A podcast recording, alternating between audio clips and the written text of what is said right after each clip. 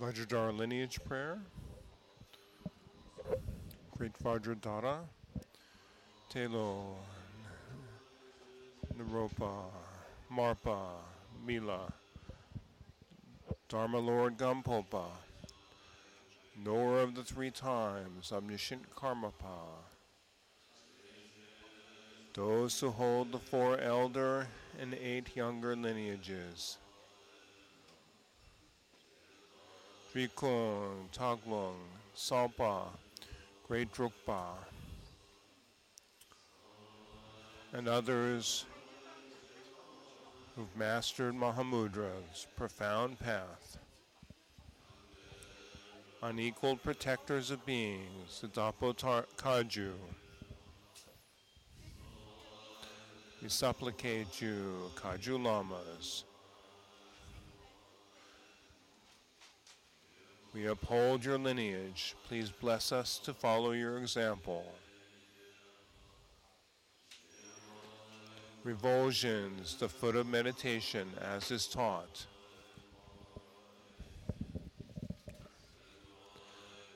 As ones with no craving for food or for wealth, who caught all the ties to this life, please bless us to have no attachment to honor or gain.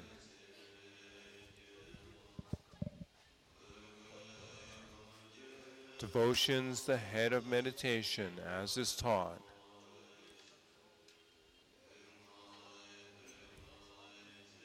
As ones who pray always to the Lama who opens the gate to the treasury of oral instructions.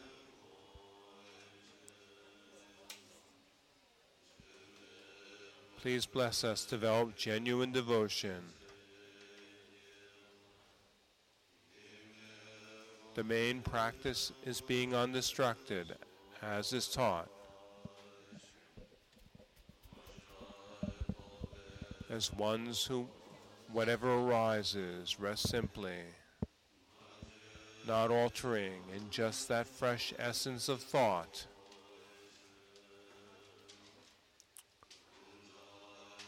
Bless us with practice that's free of conception.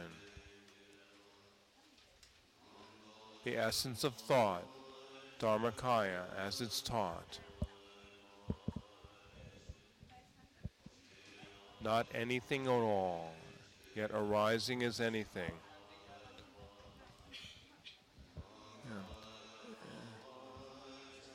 Viewing unceasing play. I don't think.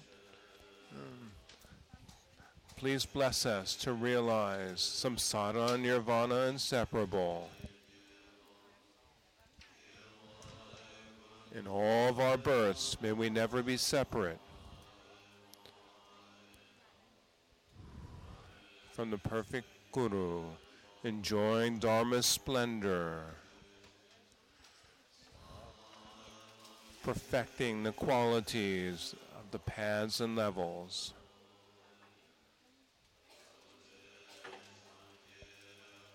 May we quickly reach the state of Vajradhara.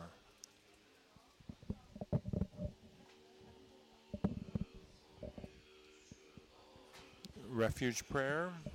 Uh, in the Buddha, Dharma, and the Supreme Assembly. Until enlightenment, I go for refuge. To practicing giving and the rest. May I become a Buddha for the benefit of beings.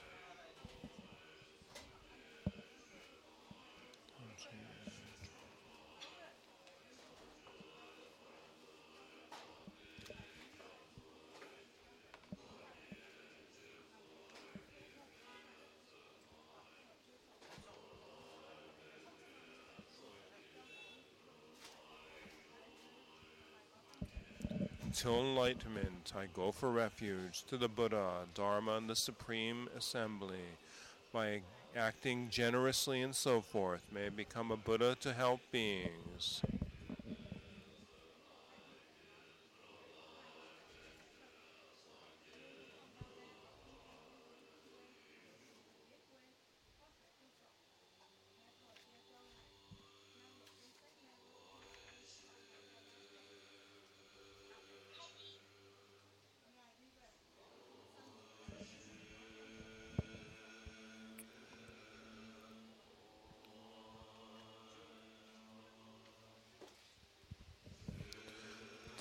This, earth perfumed with scented water, strewn with flowers, graced with Mount Meru, the four lands, the sun and moon. I visualize to be a Buddha realm and offer it so that all beings enjoy a perfectly pure realm.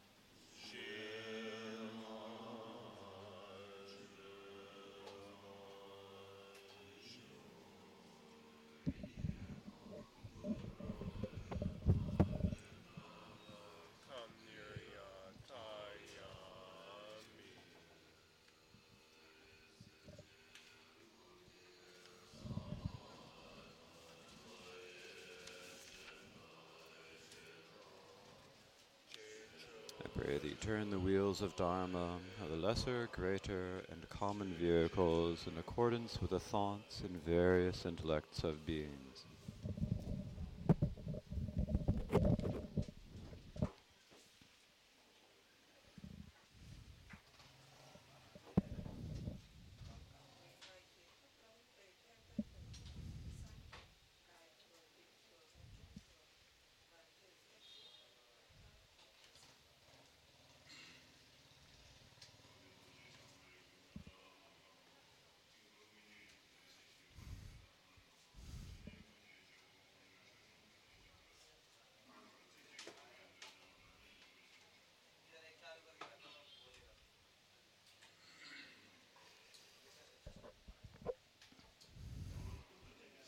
Think just that for all sentient beings uh, throughout space, to be uh, think that you must bring them all to the state of lasting happiness of Buddhahood, and for that reason that you will practice the uh, practice the practice the Dharma of the Mahayana.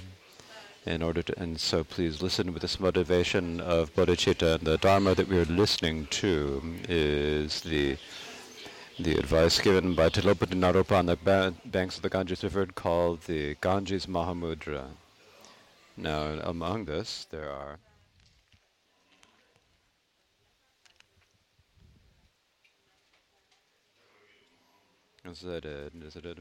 in Tibetan language, in the Indian language, Mahamudra Upadesha, in the English language, the pith instruction called the language of Mahamudra. I prostrate to the uh, Vajra Dakini. And so that's first the introductory material uh, mentioning the name of the text and prostrating to the Vajradhara, uh, Vajradakini.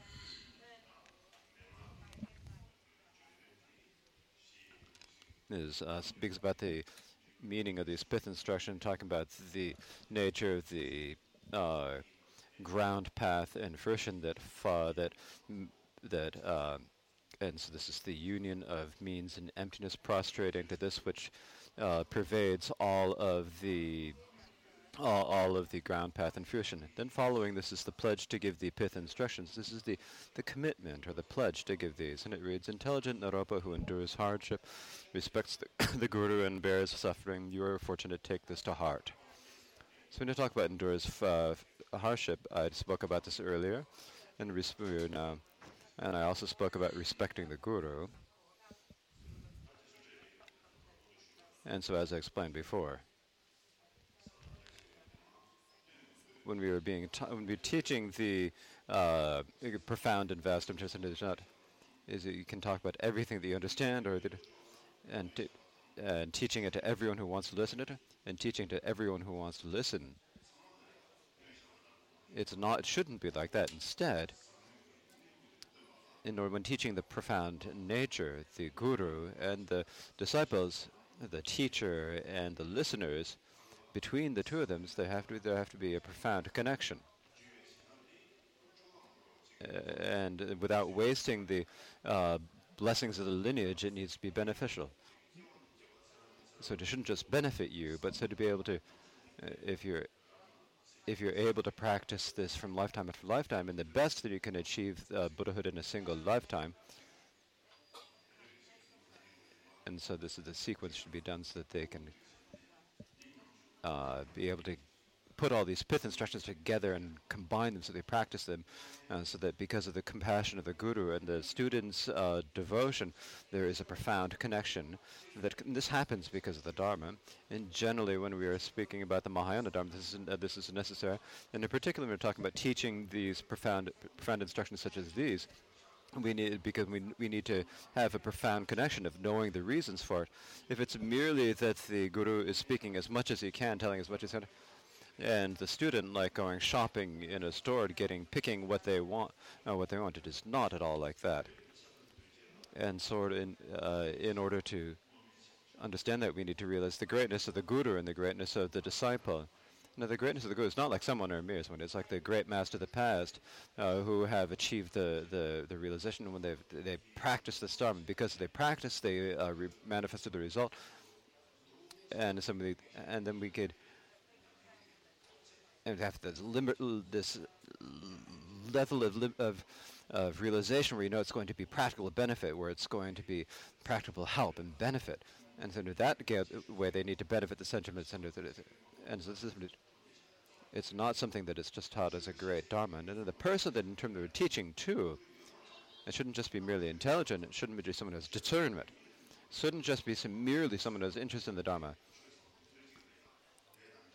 But it has to be someone who has had a profound connection with this dharma for many lifetimes, who has the, profure, uh, the, the, the, the profound uh, uh, imprints of this, and there's someone who's been able to. So it's a mere, it's somebody who is, you know, when they who thinks day and night whether what would be wrong if I could practice this? Couldn't I practice this? So they have goosebumps and tears in their eyes. This is uh, someone who's like, so this is actually the, the, the, uh, and so teaching these, um, uh, teaching these characters to students is incredibly important. Even more than the main, more than the actual practice of it. So usually, if it's, I mean, if it's someone who, so usually it's someone who just has an understanding, understand it, they would just say what they can, and the person that we're teaching to is someone who has actually the qualifications. And so, so we don't think about whether there's a connection, uh, an authentic connection. And the student thinks, oh, I need to listen to, to the teaching of the student, so please tell me. I, of course, I'm going to listen to it. But if you're not thinking, I'm, I'm going to think that these are the, the really uh, characteristics that are necessary at the very beginning, middle, and end. They don't think about this. They don't have any uh, interest in that. And so when we teach them, when you just merely uh, when we just teach it and just listen to it, then it's very difficult for uh, blessings to enter your beings, and it's a, uh, a that's a situation that we're in. As it says in the in the fourth second guru, it says, "Remembering from my heart that death is certain." Um, um, remembering from the uh, and, and having uh, devotion in the Guru and renunciation from the best of my heart, may I receive the blessings of Mika Gaja. As it says here, and if we uh, f- want to play to the, gr- the Guru, the Karmapa, the Mikyo Dorje, then saying Karma Bhajana doesn't just bring uh, this devotion. We need to have the uh, unmistaken basis and the unmistaken, uh, uh, pr- uh, the unmistaken path of this. Uh, that is, and so from the from beginning, we have to remember death from the, from our heart that death is certain. We have to remember from our hearts that death is coming. We need to have the thought of impermanence. When we say practice dharma, practice dharma is that is not think it should be something that is going to take more than months and years, and not just something just for a few times. Something that is going to remembering that there's death from the of the dharma and remembering the n- impermanent nature of this life and and incorporating that thought into our beings, and then be able to practice the that impermanence. And we develop the developing the, the weariness and renunciation that comes from uh, from uh, from the uh, from the understanding of impermanence. Then we have the condition we need to. It's remembering that death is certain. When he said certain, death is certainly going to come. When it will come, we do not know. It is, we don't even know when it could happen. It's not certain that it won't happen now. It's not something we don't know. This is a thought that we, we have to have a very short focus. So we have to focus on what is immediate. And with that, sort of, we need to uh, develop the certainty in the, in the Dharma. And instead, if we have this idea that life is going to be permanent, think of the next, uh, tomorrow, the next year, the next month, next year. And if we always put it off like that, then we'll, then we'll overcome by laziness, we're overcome by discouragement and so forth, and we will not be able to uh, make it uh, uh, make it into a practical benefit. And so, in order to have it as a practical benefit, we have to have the, the thought that is of our life being impermanent. And we realize it is impermanent. Then, on that basis, we can develop devotion. And when we have, and so when we have the uh, practice da, da, um, uh, Mahamudra, we have to have the understanding that the, the revulsion, that the ultimate revulsion, if we realize the thing we need to go from moment to moment, uh, if we practice uh, in this way, then it's definite that we will be able to receive the blessing of the Dharma that is not and so does it this this sort of the it's remembering from the heart that this is certain. We have to remember from the heart. It's not just from mouth. We can we can say with our method it's a changing that is not say, uh, uh, that is not permanent or stable. And we can't just saying that. We always recite the four session Guru Yoga. In the four session Guru Yoga practice, and because the blessings of the Guru have to come through the four-session Guru Yoga practice, whether we receive the blessings and the, con- uh, the, and the conditions have to be present within for us. And so first we remember that, remembering from our hearts that death is certain, we must, ha- ins- uh, must have that thought. It, this is just remember this is not just a question of Guru Yoga. We must, even from the moment we begin practicing the Dharma, we must have that thought that everything is impermanent. But usually we don't think about it with this. We think, oh, I'll do it tomorrow. I'll do it the next. Day. It's okay. I can take my time. I still got time. Right now, I'm healthy. I've got no uh, uh, particular. I'm not going to die now. And when we are overcome by this laziness and this procrastination, then there's no. We're going to be able to actually practice. As the great masters of the Kadampa said, there's no certainty when Darth will call, and so we need to practice somewhere. We need to practice from now on. And when we, at the time we die, nothing other than Dharma practice will help us. And so for that, we need to accomplish the Dharma now. and they would they would uh, they would write the uh, like posters on their in their walls of the place where they stayed, saying, um, uh, uh, uh, "Don't be distracted. Don't be distracted. Death will come." And so we all think about something. One day, uh, we'll think, we'll think, "Oh, this life is impermanent." We just, but it's even doubtful that we'll have this idea even once that our, that we, we don't know when death will happen definitely there are two types of t- uh, doubt that the pr- that tends to the that tends to the, to the the detention later. And there's and when you think, oh, I prob- uh, I'm not going to die, am I? That's probably uh, tending towards the uh, untruth. And so thinking people really understand impermanence are very um, are, are, rare. So for that reason, remembering from a heart that death is certain. And so, so the Guru Yoga is the ultimate practice that we need. In order to do that, we need to have these um, uh, have these characters. Remembering from a heart that death is certain. Nagarjuna also said, by knowing, raising, realize that we're perishing. By understanding perishing, we realize that we are impermanence. By understanding that uh, impermanence, we will be able to realize the deficit. Uh, the deficit. And so this is talking about, here we're talking about the profound meaning of emptiness. In order to reach that, first we need to understand that things arise, or the birth. But because we understand that things arise and understand the nature of arising, we understand that there's perishing. You understand that the nature of perishing, then we need to develop the uh, understanding of impermanence in our being when we have that understanding of impermanence, then we'll be able to we will be that'll aid us in achieve in realizing that the dharma nature or the ultimate emptiness and so we need to remember emptiness the Buddhist, uh, the Bhagavan also said that uh, that the idea of impermanence is the greatest of all ideas. So when we first get up in the morning, think, uh, "I didn't die." Uh, so that's the Karamba Lama says, uh, "Today I didn't uh, die." so this uh, the fact that I still have this day to practice uh, uh, to practice dharma is because of the blessings of the guru and the particular and my special deity. So I just really, uh, to uh, do this. And so from today, from the beginning, I will uh, have the actions, uh, the, the, intentions and the actions of from beginning from refuge and bodhicitta and through my practice to this uh, and do the practice. And then even when they go to the bed, um, uh, and when I go to the dead, I thought, you think to it, when I there was no certainty that I wasn't going to die, and now when I go to sleep, there's no certainty that I'm going to wake up, and so they don't get. Um, and so by thinking in this way would not be over uh, too attached to the ideas of being permanent and lasting and that and so for that reason thinking about impermanence is extremely important and this is not something that I'm just saying this is what is said right in the uh, four things this is what's said in the four session guru yoga remembering from our heart that death is certain then so what it says it uh, with genuine devotion uh, in our beings. so it's a genuine devotion. So it is it said, that this is respecting the Guru, It said, we need devotion. And that devotion shouldn't just be merely oral, best of our mouths and words.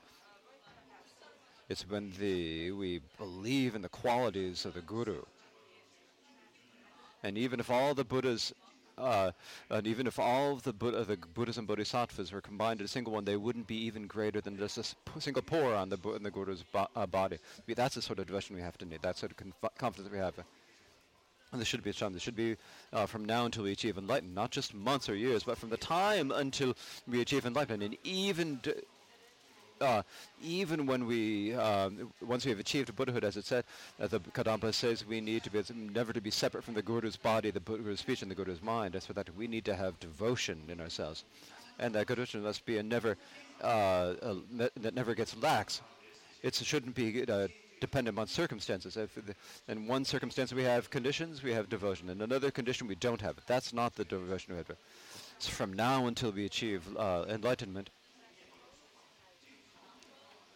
without being uh, thinking about whether the guru is pleased or displeased or anything, but I'm pleased with it. Uh, even though the Buddha is equal to the Buddhas are all equal in the qualities, this guru is superior in uh, for me in terms of his kindness, and so this is and so then uh, uh, devotion is extremely important, especially for us Kagyus. We say that it's a tradition transmission of devotion. We say all the time that the Kagyu is the tradition of devotion, but when we talk about this as a uh, transmission of devotion, but we go to uh, we go out and we receive empowerments from the gurus, and then we go out and we uh, criticize the lama. And so we go and we take the, we go inside and we are ready to receive the vase and all the different empowerments, and we go out and we sell other things. And so that's how we ask for empowerments, and there's nothing going to happen out of that. During the secret mantra Vajra practice, when we need to actually pract- uh, actually visualize the guru as uh, the Vajra master when we uh, when we achieve the when we receive the actually receive the empower uh, the empowerment for that, then at that point, uh, only then can we become the Vajra master and the Vajra uh, Vajra student. Before that, before we develop the wisdom of of the uh, of the basic nature within us uh, through the empowerment, we don't become Vajra master and Vajra student, and so. So we need to receive the empowerments, and in order to receive the the, the blessing that we see from that,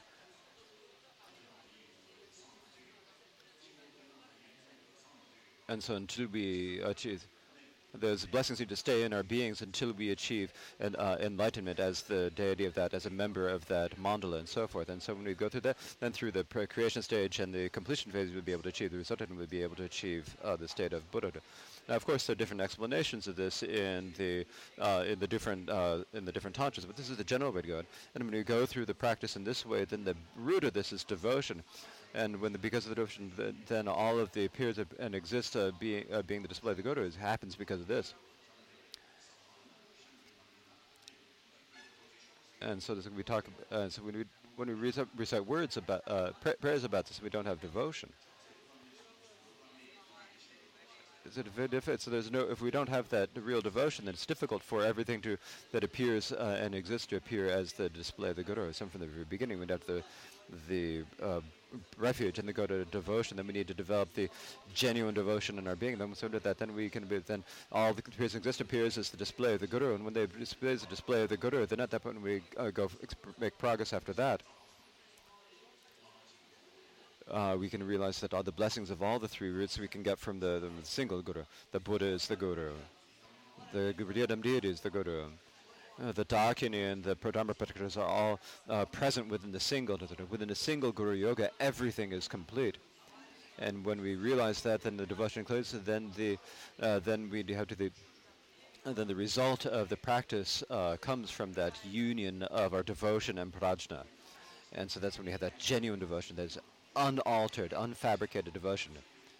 And so uh, with uh, we need to also have the basis of uh, of the and the uh, the ultimate wish for emancipation. Once we have that, then we can receive the blessings. We receive the blessings of the eighth Karmapa Mikyu, Mikyagawa or the Makyadorje. And so this is one of the, this is saying Mikyagawa. This is a name of Mikyo Dorje, but in, in uh, uh, Karmapa's name, but it's, it is a complete name. It's anyone. So, so we're talking about respect for the Guru. So uh, devotion is, is extremely important. No, when we talk about respect, it means like uh, paying respect, and we bow when the Guru comes. We stick out our tongues. We, have, we stick it out very far. And then we touch the head of this, something we talk about the rest. Then we talk about this being respecting the Guru. When, the, when we see the Guru as a kilometer, they stick out our stick out our tongues, and that's like uh, uh, respect, isn't it? But that's not it. That's not that's not okay for example. There's physical, there's verbal, and but what we really need is the the mental uh, uh, respect. That's what we said. Uh, the, the sutras talk about paying respect to their body with prostrations and so forth, and quarter and so forth. But here, devotion is something that has to come within our men. When we talk about devotion, we said yearning and dedication. And it's thinking, what would be wrong if I developed all of the blessings of the, of the Guru? That is the yearning. That's the yearning. Developing the qualities of the Guru's mind, the special qualities of the Guru's mind. Just hearing the, the names of the, of the Gurus, if we just be able to, to receive the, ble- the, ble- the qualities of the blessings and the and so those are the the guru has these qualities and those and we uh, investigate the guru with our own intelligence we just sort of we see that this is enough we see that there's nothing in us and we realize that there's nothing more then we have yearning for it and because of that yearning and then we have to in order to develop the qualities of the guru within us, we need to have the continual and the, uh, the continual and the enthusiastic devotion. We need to we need to continually uh, practice, continually train, continually run. We need to continually incorporate it into our being, and that is dedication. And when that happens, when we talk about uh, devotion, or we need to receive the, the instructions from the guru, listen to it one pointedly. Then we need to uh, then we in, uh, develop contemplation, develop motion, and then we practice practices one pointedly, then the stains of the imprints of ignorance in our being gets to get, uh, get and become even thinner and thinner. Become even thinner. if it ever become even more profound, it's not profound. It's like become more thin and become thinner. They're smaller and smaller and the uh, faith, devotion, uh, and world awareness and stuff get longer, uh, get larger and larger, and they get uh, they bodhicitta grows like the moon, and all the faults are like the, the waning moon, that because so they get less and less, and then when you have that, when you develop that realization, those qualities in our being, and we said this happened because of the guru, because I we see the pith instructions from them and practice them. But I developed these these uh, incredible qualities, and you have this excitement here, but this yearning, and when that yearning then then the devotion naturally occurs. That guru is really simply the uh, the embodiment of all the gurus of all the Buddhas coming to one. He is the uh, infinite activity of all the Buddhas, and there's nothing better. This is just enough you are the guru, you are the yidam, you are the dharmakaya, you're the you're the dakini, you're the garma practice, you are the embodiment of embodiment of all the jewels. The uh, the embodiment of all the jewels, of all the roots and so forth. I don't need anything else, anyone else. And that certainty, that devotion, that confidence uh, develops at that time. So at the beginning, we have to practice the, the, the, the oral instructions. And if we don't practice the oral instructions, then the Buddha may be popular and well known and may travel all over the world and have many worlds, and that doesn't help. You may have uh, many students out there, and a great benefit of it doesn't benefit. Benefiting beings at this point, what, the, what we don't benefit comes into teaching the Dharma, under realizing the, the points of this, and think about these points, and be able to, and the as a practice this and teaching the teaching the results of one's own uh, practice of uh, view, meditation, and conduct, teaching that to others and being practical benefit to others is benefit. It's saying uh, benefiting a single benefit is uh, benefiting being, and benefiting two or three is uh, benefiting. It doesn't. Three or four or five is uh, still benefited. It doesn't mean that it's going to be benefiting a lot of people amidst a lot a lot of lies. Benefiting that sort of benefit is can become mistaken or perverted uh, uh not knowing how, and because we don't know about how to take care of all the students, and then thinking about uh, uh, gain and profit and gathering a large, uh, large retinue of students and so forth. That's how it is, then the Dharma isn't becoming the Dharma. The, the difference of so we often.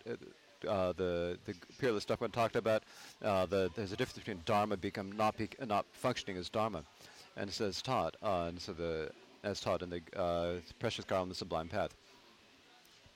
And so you need to follow the stage of the practice from uh, refuge on on, and for that, and that is the devotion in brief.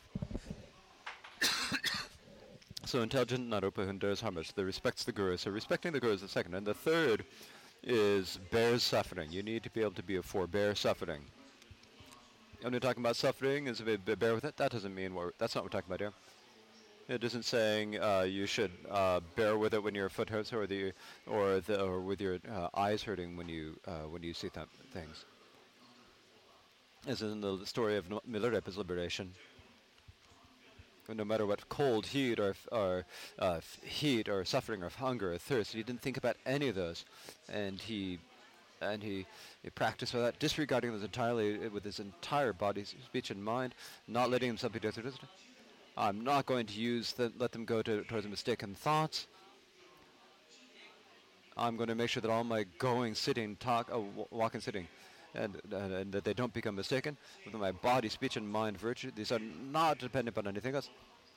While I'm sitting, while I'm sitting, while I'm going, while I'm going. And at that time, I'm trying to make everything go beco- become the path to enlightenment. And that is what we mean by this uh, being able to bear suffering. So being able to bear suffering.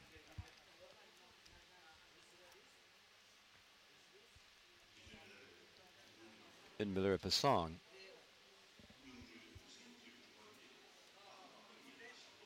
Uh, so practicing with fortitude is service to the Guru. Practicing with the, the fortitude. So the fortitude means having fortitude in practicing the Dharma. Uh, not thinking about anything about uh, uh, uh, uh suffering. No matter how many hard, hardships you have to go, accepting them, that is fortitude. And or any, uh, the second char- uh, characteristic is being able to bear with lacking uh, everything, and when you have any adversity and difficulties, but not to, but not to be, uh, but you should not be affected by those conditions, and you should not be stopped. You should be able to face up to those uh, suffering, the face up to the difficulties, because of the f- the the root of uh, the, the, the, ignorance of the ego clinging, we have uh, the, the, all sort of like, I need this, I need that, I need all of the good facilities, all the, uh, I need all of the ben- uh, uh, benefit for myself, I need all the victory to go, go to me, and when that goes wrong, then we have all the physical difficulties. The, in our mind, we have the and so and then there are many different harmonies. We think that there are ghosts, there are monsters and stuff. And we have to talk about ghosts. We said that there's a ghost in it. There's a ghost in it. And so we need to get a, a, a guru who can exorcise the spirits in it, and someone who is uh, someone who has uh, someone who has uh, uh has uh, uh, dreadlocks in the top of his head. Someone who is able to do this. Someone who's. Someone who is who is able able to do all the exorcism rituals and able and he's carrying their kila, but and whatever the the the the, the iron purpose stuff and thinking that's going to benefit. And we do think and we think and we don't think about our dharma practice as something that can be um, uh, as something that is going to, to, reduce our ego thing, We think about it as something that is going to actually increase. We bring in this this that that do that that mara that comes in, and when you think that mara is ourselves, and we have to, and when it comes in, the, the, the lama comes to the guru says, and so and you say that there are the ghosts of the living and the ghosts of the dead. And so when you say that, we say it's not me, but it's actually something that we've made up with our own mind. It's something we say that that is uh, a living ghost or a dead ghost. And when the guru, when the lama gets in your head, he said, if someone has a characteristic, and he said, there's no uh, goddess in it. It is because of your mind being confused uh, you are seeing it as, actu- as as a ghost, but you th- but actually there is none. But when you say that it's, uh, but if you say that that, uh, say that, that the ghost is your own mind, then that would be beneficial. But instead, say, oh yeah, there is. There's that living ghost is yours. So there's something bigger, isn't it? There's one even bigger than you think, and I'm going to be able to, to, to I'm going to tell it, to subdue it, and that person who's seen it is me. So bring me, uh, bring me the, uh, bring me the. Um, bring me the meat, bring me the, uh, bring me the, uh, ca- the, the beef. I'm going to do the, uh, do this now. And so, but when you think of it, actually the person who makes it up is you. There's a person who's thinking there's the ghost. That's the that's the spot that sponsored it. There's the there's the ghost spouse. There's the the there's the person who subdues it also great. And so in that way there are it's a bit where where it's like we have a big encampment uh, an encampment of of uh, an encampment of ghosts. Like we'd have a military encampment, we're having a ghost a ghostly encampment. And there's no benefit to that, is there? From the beginning of some uh, beginning of some know because of this uh, idea that there is a, a self. Uh, we have the suffering. It is not made by the ghost. It's not by the nagas. It's not made by the practice. It is not made by. It's not made by anything outside of the, the what are the ghosts made? It's made by our mistaken mind that could, that uh, clings to itself.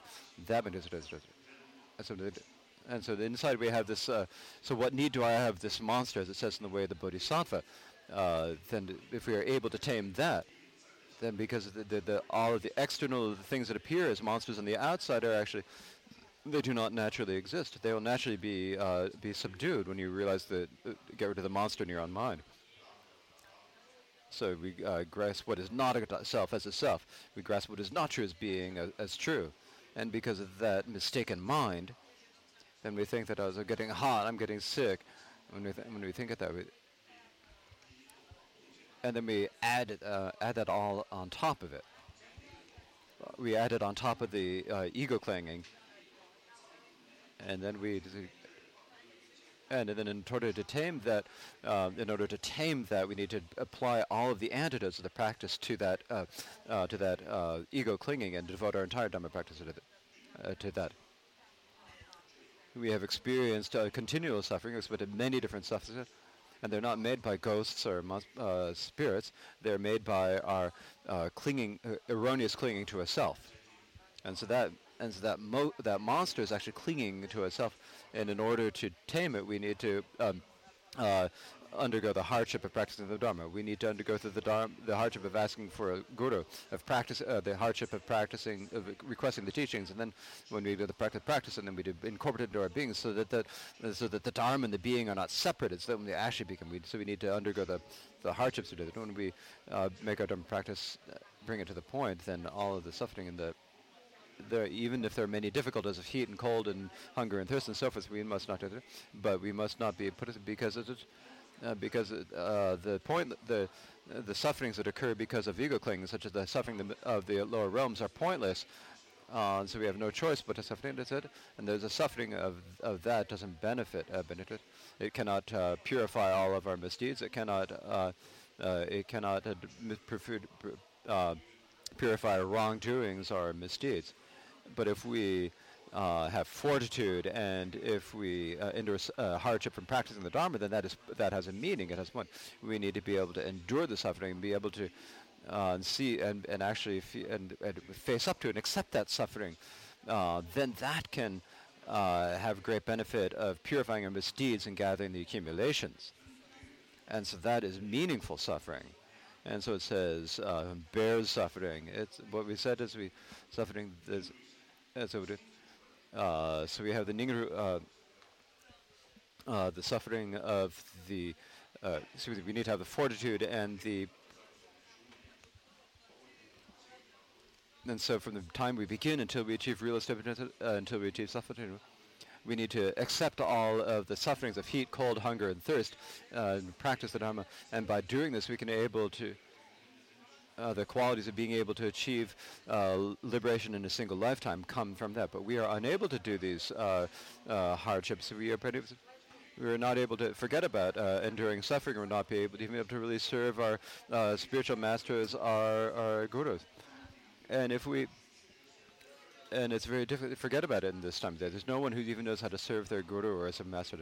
And say people will say that I'm we go to the guru and say, oh, I, uh, the, uh, the guru please, uh, please, I need some, uh, there's a guru please, uh, please expel the guru, put the vajra on my head and reset to somebody, somebody mountain. We, we think about the guru uh, as someone who, as like an exorcist, and then we, the guru plays along with that, and for that reason, because of that, developing refuge in our refuge in bodhicitta, realize developing bodhicitta, de- uh, de- developing that being the idea of bodhisattva, uh, developing faith, devotion, bodhicitta, developing the samadhi of the of practice to not develop, because that's what the connection between guru and disciple has become like.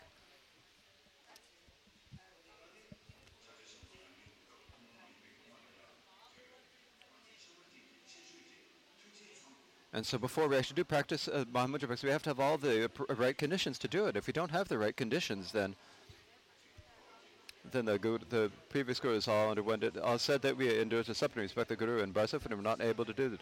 Uh, if we aren't able to incorporate that into our being, we uh, then it just leaving on uh, words on paper doesn't benefit. It's like like uh, like Milarepa. We have to be like Milarepa, and actually, as he said, uh, being able to put through, uh, being able to do the suffering is serving the guru.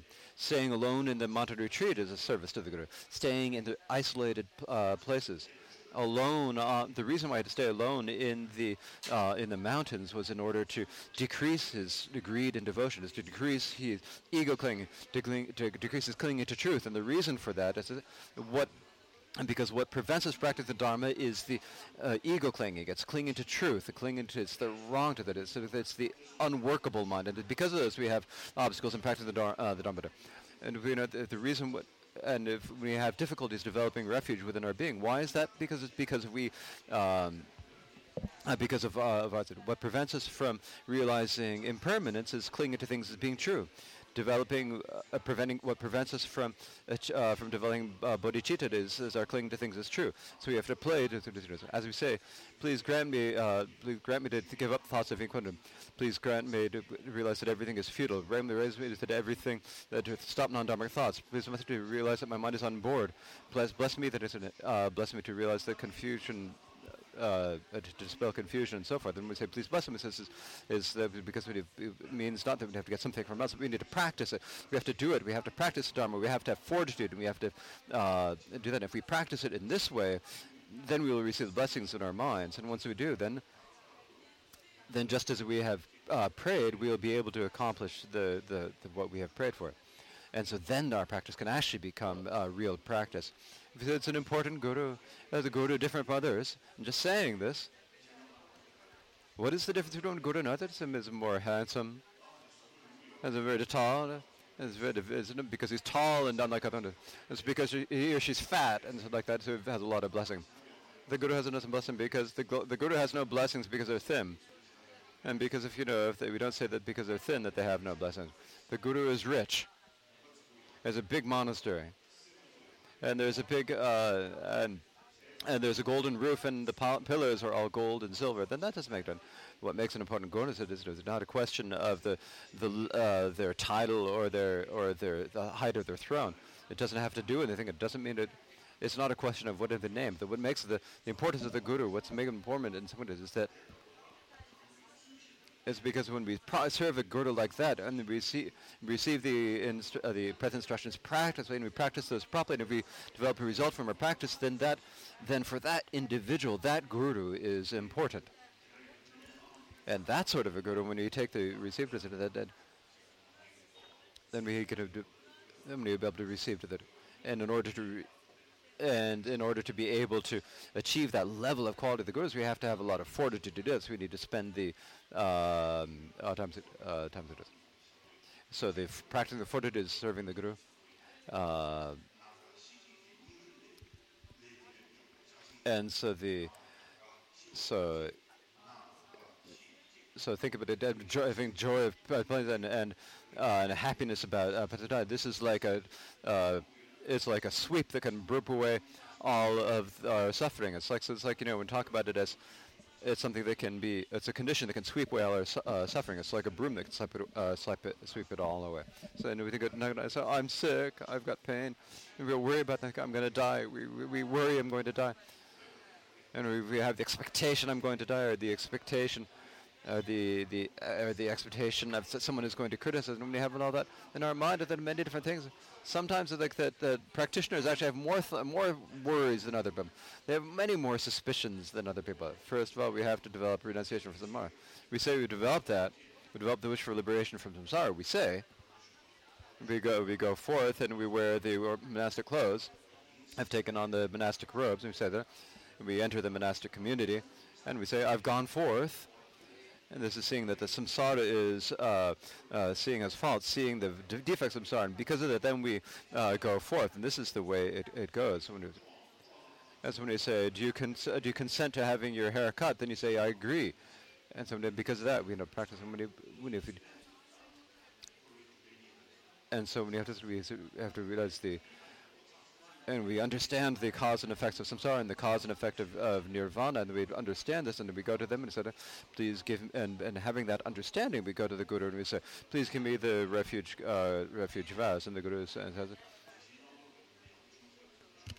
if you say, have you had a good, uh, do you have a good understanding of the basis and of the four, uh, the four, four drills? It is, uh, and give a four, uh, four, uh, give a, uh, is, do you have to have the good understanding of the Four Noble Truths to take this? It shouldn't be like where you're uh, brought, you brought to the Guru by your parents and they say, do you want to, uh, do you want to, do you consent to having your hair cut? And you say, yes, I consent because you're afraid that your mother's going to slap you instead.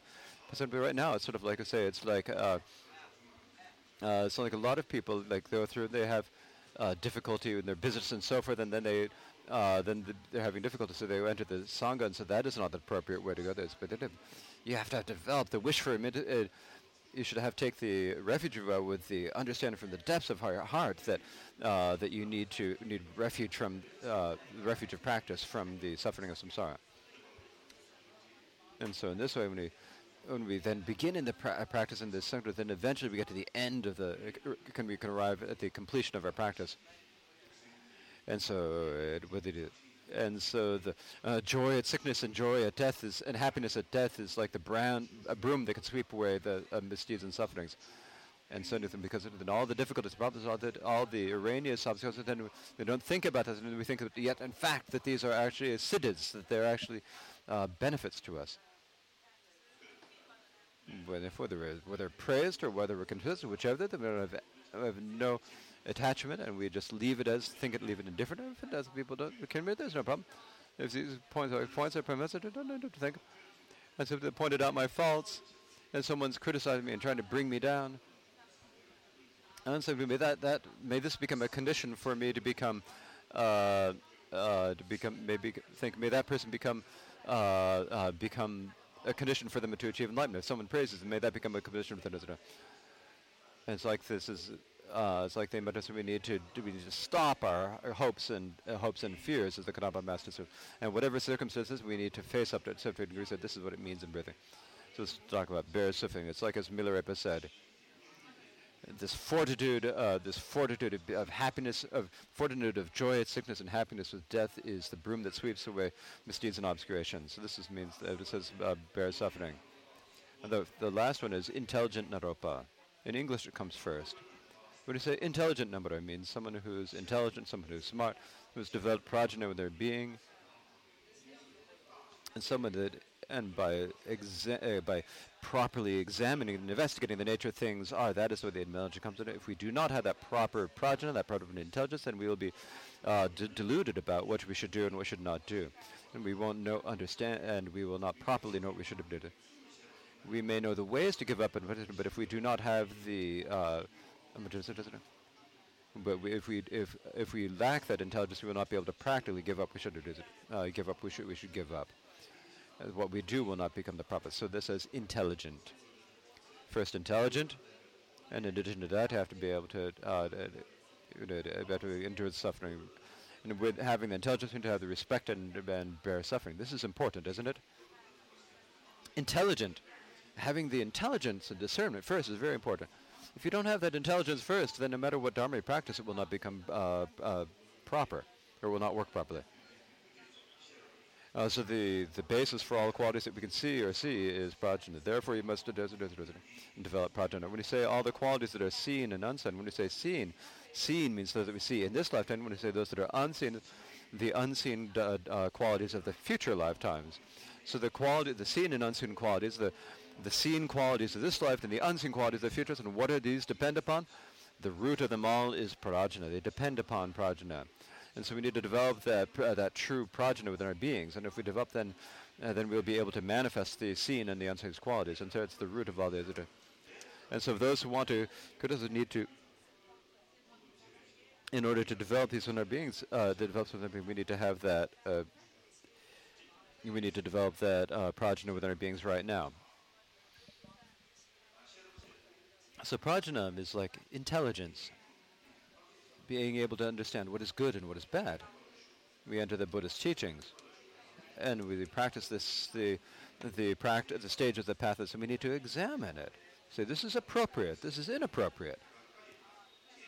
It's like they, exa- it's not just something that it's that, that the, the the Buddha made a gave a command and this is a rule. It's something that whether it's the uh, pratimoksha vows or the bodhisattva vows or the samaya pranita, these are something we have to examine. We have to use our proper. This is the reason why I have to give up this.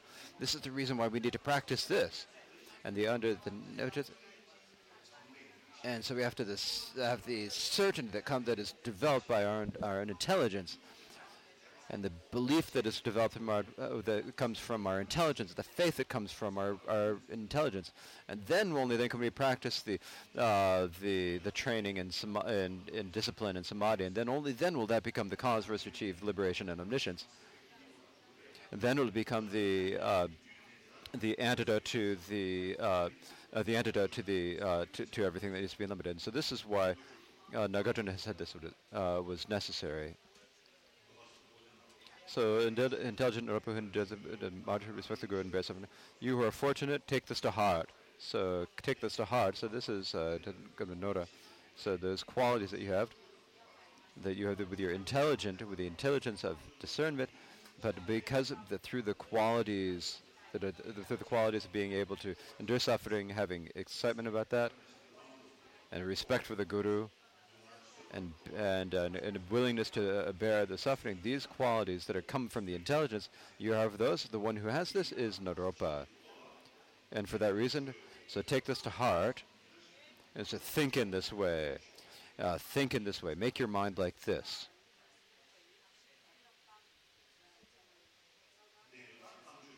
And so the intelligence is really important. So this uh, last quality of intelligence is that you have to be doesn't merely have merely being intelligent. Somebody said here, the son take this to heart. The mind here is a, particular mantra. So that particular what we need for that is is really what we have to have for heart here is like a really intelligent mind.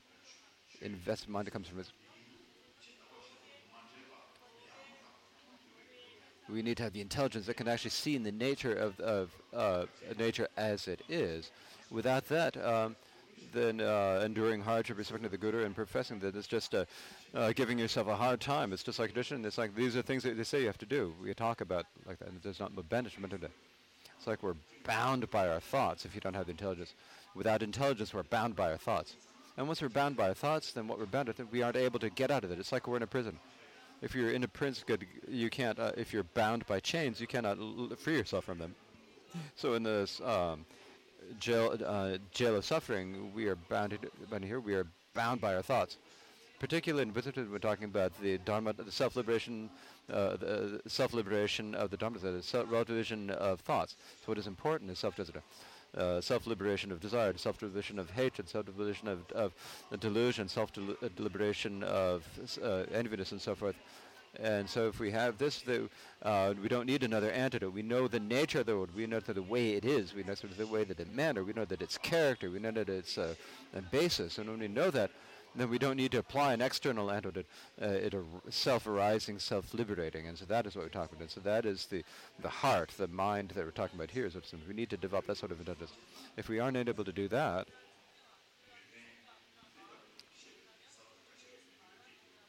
we won't be able to develop all of the qualities that are talked about, as it says in the way entering the middle way. So ordinary beings are but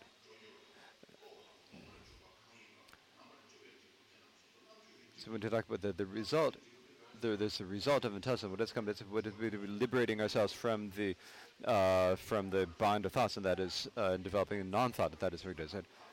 So releasing the binds of thought and developing non-thought. That is one. Is it? So uh, so, uh, so ordinary beings are bound by thoughts. Uh, uh the uh, we, we are yogis are freed to non-thought, and so when we stop the thoughts, then we develop the, the non-thought, the thought-free wisdom. That we develop that as a result of our intelligence, and so for that reason, we talk about intelligent ears. And the intelligent ears is not just intelligence; it's not just prajna. It is the knowing the, the way the mind is, the nature, the essence of the mind, and one element is not if we don't see them as as uh, false and think that this is something I need to get rid of, something the moment the thought uh, the, the moment appears, then realize that it's self-raising, self-arising, self-liberated. And if we get to that point, then that is the type of intelligent talking here. You are fortunate to take this to heart, and so be able to ta- uh, think in this way. And so that completes the uh, the pledge to give the instructions on Mahamudra. The next is the uh, uh, the next stanza presents the nature of Mahamudra, the nature that it gives the actual uh, presentation of the nature of Mahamudra.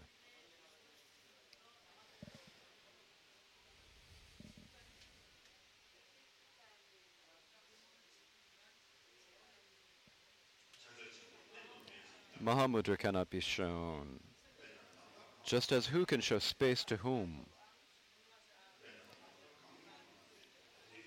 Just as who can show space to whom? Likewise, there's nothing to show in the nature of Mahamudra. So this one, we're pointing out the nature of uh, the nature nature Mahamudra.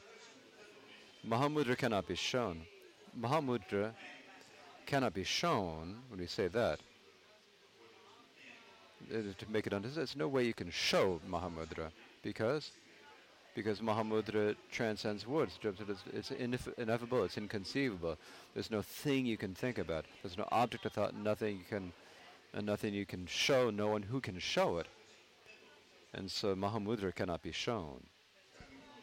As I said before, as, as I said, I Tilo have nothing to do If you see your own uh, your own uh, your own essence, then you're when I have nothing to. Uh, when you're saying I have nothing to show, there's an object you put over there. there's something that you put up that you that you something they showed with words and uh, uh, words and symbols to show this is Mahamudra. There's no way to show it. It cannot be uh, show, uh, it cannot be illustrated by by any convention that we talk about Prajnaparamita. It is not. it cannot be an, uh, an object of conceptualization. It cannot be an, an object of dualism because it has transcended those. It is, it is all, all, all words and, and thought. It, it, it, it, it all apprehending thoughts, and for that reason, it, can, it cannot be these. They cannot realize a Prajnaparamita. And so similarly, uh, Mahamudra cannot be shown. If it cannot be shown, it's like doesn't mean that there's something to be shown that can't be shown. It's the nature of Mahamudra itself but it uh, transcends any uh, words, thoughts, or any uh, any characteristics or so forth. Just as who can show space to whom.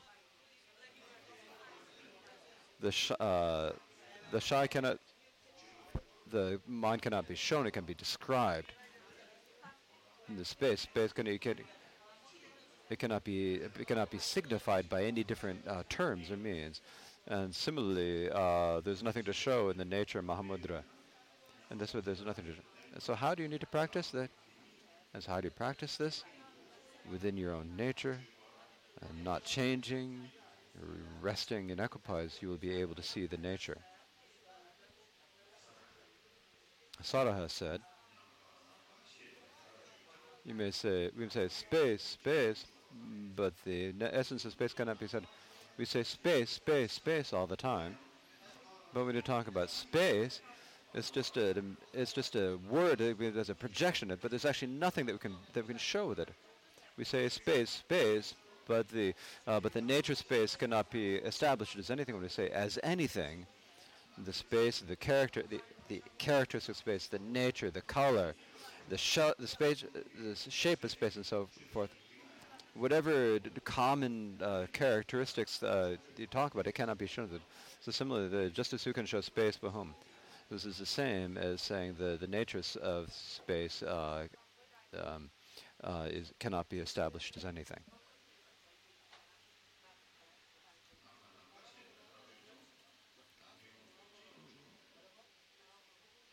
So we say space, space, and space all the time, but uh, uh, but the nature, but the nature of uh, the nature of mind is it's not something, not nothing, not both, not nothing. We can say it's not something. No, if we talk about any different thing, we say it's there. We say it's something, but it exists, and we say not. That's the opposite. It's not existing. So these two. So we have existing and not existing, and that, and then uh, opposite of that we have the, and not something and not nothing. As not not existing, not nothing, not something, not nothing, not other, than, not anything else. It's not existence as the nature as an existing nature, not as a non-existent nature. It is not both of these. It's not neither of these, and so it's not both. It's not existent, not non-existent. It's not. It's is, and it's not some other object that can be translated. It is unable to be uh, illustrated or shown. And so it is pure. The, the nature of the mind that is pure from the very beginning is the nature of Mahamudra, and that Mahamudra. And no matter how many you explain it with uh, words and, and explanations, and, you, and how much you pointed out,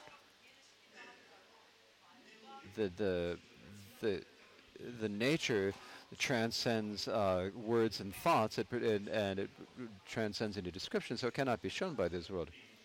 Uh, for, uh, likewise, there's nothing to show in the nature Mahamudra. If we think about it as sh- uh, we talk about Prajna Paramita. When we think about the profound meaning of Prajna Paramita, it, it, it uh, uh, needs to transcend all thing and non, thought of not thing and non-thing. It is a talked in when we say that when we say there's nothing at all, uh, uh,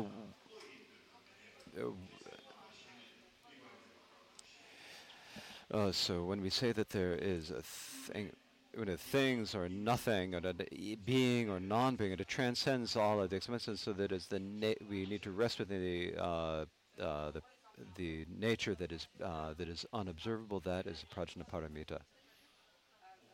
If there's no thing, then there's no not, uh, then there's nothing. If there's no, because nothing depends on there being something. Nothing that is also uh, dependent upon things. So, thing and not nothing both deve- depend upon each other. If there's no thing, then there can be nothing. If there's no nothing, there can be things. Uh, then there be no thing. So both. Uh, so does not that. So does the view that transcends all of the things or nothing. Div- is the nature that is beyond all, all extremes is um, Prajna is Mahamudra, um, middle way. There are many different names, but the, the, what they point to is the same thing. There's nothing else than those. And talk about Buddhas, the nature, all the uh, the qualities within ourselves manifest that as Buddhas. If we have the go into the the we have this this, and if we and if we go to the get straight to our practice, straight to to our if we go to the ultimate of our practice and so forth, then we achieve then we achieve the result. It's just uh, but it's just that nature that is there. It's not something you can talk about about this.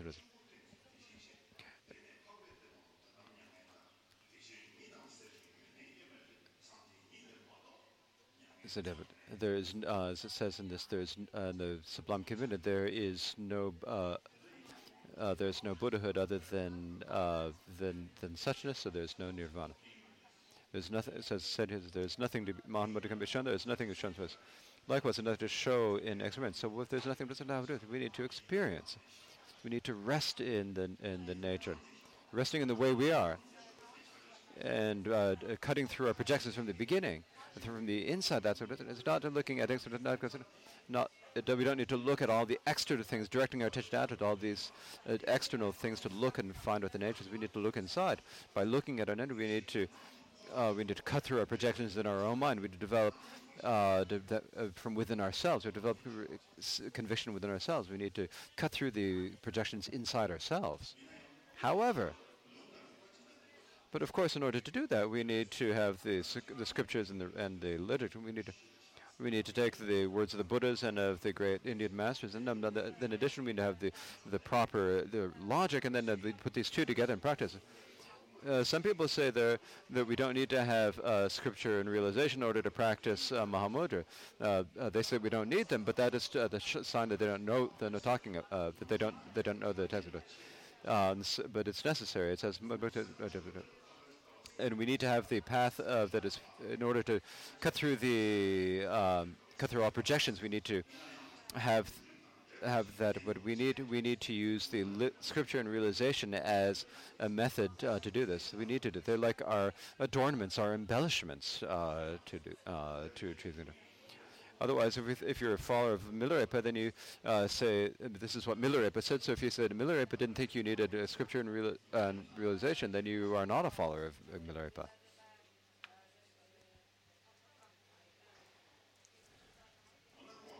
So then what do we do for meditation? So the Milarepa just said about that.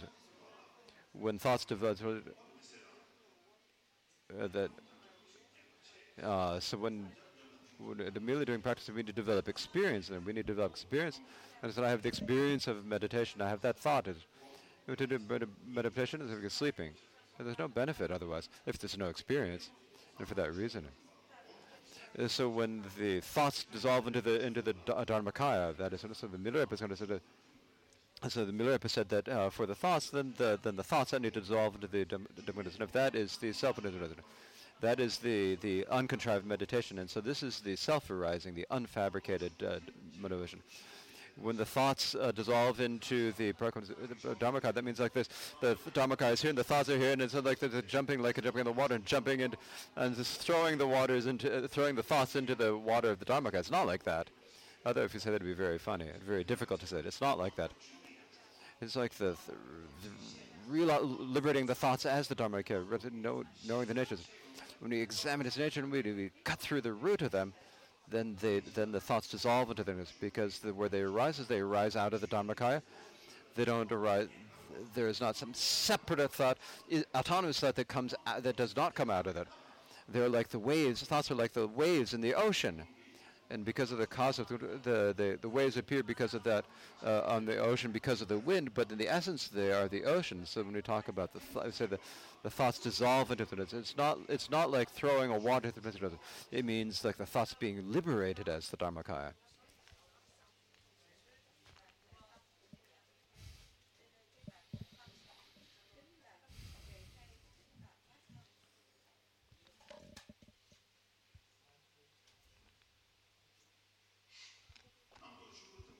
So thoughts dissolving into the Dharmakaya. In order for the thoughts to discuss, uh, isn't that called the self? Uh, when the thoughts dissolve into the Dharmakaya, is that called uh, the un, uh, the uncontrived meditation? So what is the content of it? So it has to be. So the, the, the, Uh, so you have to the view has to be combined with the with the with the uh, excuse me with the conduct has to with these the, the six collections of consciousness, the, the external uh, form, sound, smell, taste, and so forth, and then there are the, then there are the six faculties, and there the faculties, and you have these six. when the six consciousnesses engage the external uh, the external objects, then we then at that point we have the attachment uh, to the attractive forms and uh, an aversion of the unattractive it's because of the and we're changed by the conditions of this then we are unable to uh, to uh, purify the uh, the six is when the object if the it does not distinguish between good or bad or beautiful or unbeautiful when we have the conduct of being the of one taste and the I mean, the view and the meditation that are one taste when we come to one t- uh, the practice one taste then it is like the there is nothing that you need to stop the, when a good thought does, there's nothing that you need to uh, to produce. When a bad thought occurs, there's nothing that you need to block. When you're enjoying the uh, the object, then that is you. It's not that you take on the good things and un- and get rid of the bad things. There's you do without making any distinction between the good, bad, uh, fine, or ugly. Whatever thought happens, whatever situation occurs, you just uh, look directly at the nature of it and look directly at the nature of it without stopping or producing anything, then then they're then they're purified where they are. Not purified with it, it's when we solidify the six objects and we cling to them as being true. We bind to them, cling to them totally. We cling to them as being uh, specific, not some, some things that exist by their own character uh, characteristics and then we to be able to uh, uh, then there, we non, then we're not allowed our six consciousness to be natural and be, uh, to be therefore accumulate competence and be uh, accumulate karma and so forth. and so then we guess of things as being uh, uh, being impermanent and, and harmless. So then we accumulate. Then we do the karma, the good and the bad karmas, and we, and so that is we are not be. We should not follow our pleasures. We should not be uh, try to push away our this displeasing. We should not uh, follow our thoughts. Of, uh, should not follow our thoughts of the being good. We shouldn't follow our thoughts of things of being bad. So let the letting the sixth uh, letting the six consciousness be uh, be loose, then this is then this is the conduct of of uh, equal taste. Right now, we're equal taste. We say this is tasty, this is not tasty. We have these two, right? This is sweet. This is uh, sour. This is delicious. This is not delicious. And it's like that. This is the example. This is the not equal taste. When you have equal taste, we have when the when the uh, for yogis who have cut through all uh, all projections and have realized the equality of samsara nirvana, they realize and, and they realize uh, that this is the nature of this uh, samsara nirvana, then they would be able to have the, the e- conduct of equal taste. And they said that sometimes that there are some uh, there's, some people sometimes they talk about uh, lamas who would eat uh, feces and some uh, some when they come to uh, and so this is because they had the conduct of equal taste. They had no thought of being good things or being pleasant and pleasant. And when they're unable to, uh, to realize, purify these six, uh, six co- consciousnesses in their own place, then it was. And so when we, and so when we were able to, uh, so when we were able to let the six consciousnesses relax entirely and and to be able to be, and be loose, then we were able to engage in the practice of of and we don't engage in this. Excuse me here. The nature of things as the, the nature of this, and we think about the nature of the from the very beginning, there is no, the good and bad and bad. There's no fine and fine and bad. But because of the thought of the dualistic thoughts, it's projected by the say this is good, this is bad, and we divide things into dualistic things with the, with the good, the and pleasures, and of good and bad. This is made up by projected by our thoughts. And so as long as we have that, then because of that, we have the we have the, the benefit of, of things that benefit or harm us, and that's just the way the world works. And when that th- the thoughts of there being uh, benefit and harm, then the results of pleasure and, and pain that would come fr- uh, from that do not occur to them. And so this uh, becomes the the uh, the yogic conduct of this of a single taste. Uh, so. And so this happened at the right. Uh, this has to be connected with the times at the right time. So the the conduct has to be connected with time.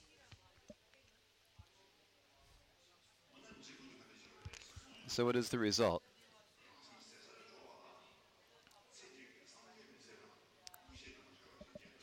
Uh, so so when we when our mind sort of when our mind when our mind is liberated into the Dharma nature, when the mind has become has gone beyond, when we, when we get to that point, when we, when we get to that point, then we then when we achieve that point, that is uh, we call that achieving Buddhahood in a single lifetime. Isn't that called uh, the Buddhahood in lifetime? Uh, this, but this is uh, but this is embellished by the four kaya. So it's the uh, the dharmakaya that is yes, an emptiness, the dharmakaya, and so forth. We need to we need to. It's like when we gather the two accumulations, we receive the two the two kayas, right? The uh, and so because of the accumulation of merit, we achieve the form kayas, and because of the accumulation of wisdom, we achieve the accumulation. Uh, we achieve the uh, gather the achieve the dharmakaya. So we talk the the form kaya is the result of practicing the accumulation of merit, and the accumulation of wisdom results in the dharmakaya. And so when we understand this, then whatever the result of this of the four kayas, and and through these ba- ways is to be through the four kayas we're able to benefit all people. So these are connected to this, and the reason why we're saying this is that. is saying that the reason I'm saying that is there's uh, in the nature of Mahamudra there's nothing to be shown. So this is uh, the result of this. We need to project. We need to cut through the projections uh, through this, but uh, it would- we need to cut them through inside. But they have to uh, need the liberators. So this is why it says Mahamudra cannot be shown, just as who can show space to whom. Likewise, there's nothing to show in the nature of Mahamudra. Then at next it says. So next it takes about, talks about the how to practice this.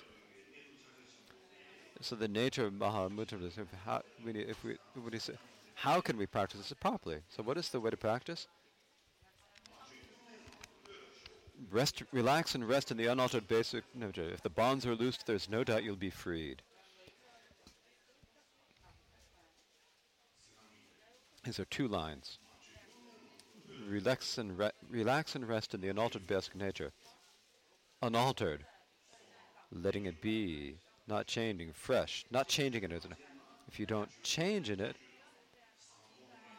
then be, if you don't have to change it, we're hoping that it'll become better or things, then the nature, the natural nature is the root, the the basic. The is the basic nature. That means within within this. Uh, Oh, within this basic luminous nature of mind, if you have lived it unaltered, not trying to make it better or stop uh, better or not stop this worse, and you relax and rest, and then you then you live. Now, these are not particular. These are not particular instructions of mind. This is sort of a common instructions of practice. Some people, this is a particular.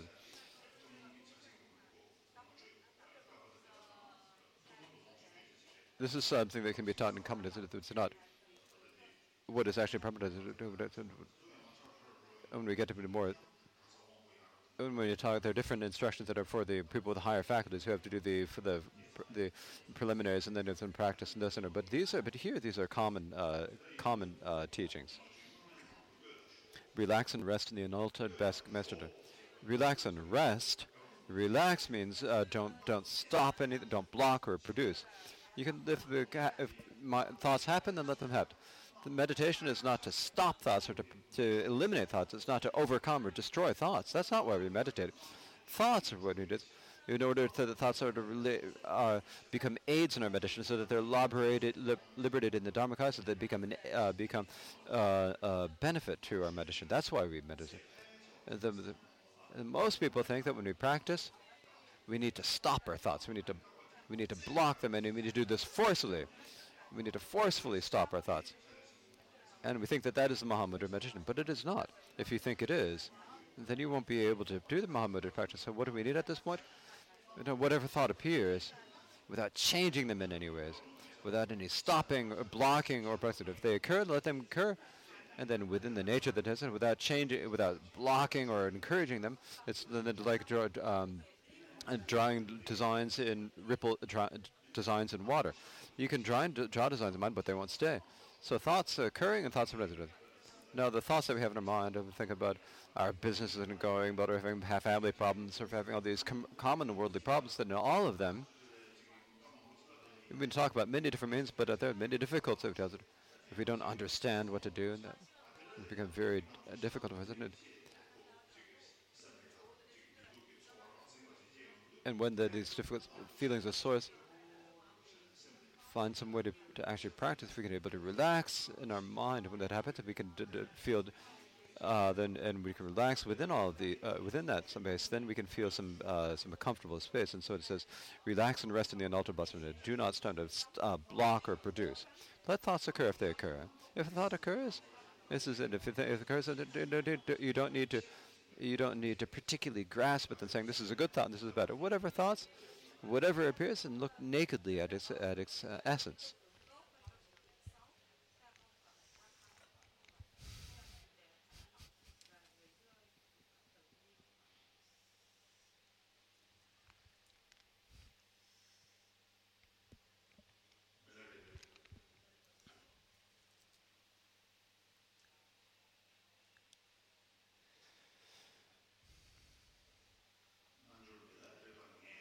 I, the Yogi Milarepa, I, the Yogi Milarepa, see this, uh, looking directly, looking nakedly, see the essence. I, the Yogi Milarepa, looking nakedly, nakedly. It's chata chata. Oh, so looking, looking, staring at the chata. Looking clearly and vividly, brightly, uh, looking directly when looking when I look right at the nature. But it's not saying look in the eyes. I'm just sort of, it doesn't mean to look, I'm just sort of showing expression, it's not the mind. And it's not about staring in your mind. It's like the way you look. And so it's, the people look like they're sitting there staring, it's probably they've been distracted. So I, the Mikdam, looking directly at the nature, seeing the nature of the mind. So looking, looking, looking directly means not stopping or producing. It's look at whatever happens at arising. Just look directly at it. Think of it as good or bad or pleasant or unpleasant or, or with any hope or fear. Uh, not not any predicating them as being anything. So looking directly at them, directing them and seeing the nature. If you look in this way, what benefit is there when we talk about this? You see the unde- see the unelaborate nature of space. Everything's when you said that unelaborate, that's what with it elaborate means means changing, making something that's not not something into something. So that something elaboration means something that's binding something. It's erroneous. What's grasping at something that isn't and as being something, and so so, so that it's the, the See the elaborate, uh, unelaborateness that is like space. So when you talk about the say space, it is uh, it it is uh, it transcends any thoughts. But if we look at it, because when we look at the sky, we look it up and it seems like it's blue. but the blue is not actually the sky; it's just a color. The sky itself is uh, is not something that can be looked at or see. When we look at this images, when you say we say this, we use the words that, that have considered. But this is just the nature of it. This is generally saying we're saying generally as a convention that we see this in a, but how do you see the space and what's the sex? And when you examine it, so examine the nature of how you see the space, and if you don't, then you do not see the space. And the reason that we say that, because the space itself is not established as something that can be seen or uh, that can see or be seen. And for that reason, so uh, they cannot uh, space is not uh, not visible. And for that, because when we say, I see the nature of the mind, I see the mind, I see the way beings are, uh, I've seen the way all things are, I've seen the, the nature, the basis of all things, I've seen the, the unaltered nature. We say all of these different things.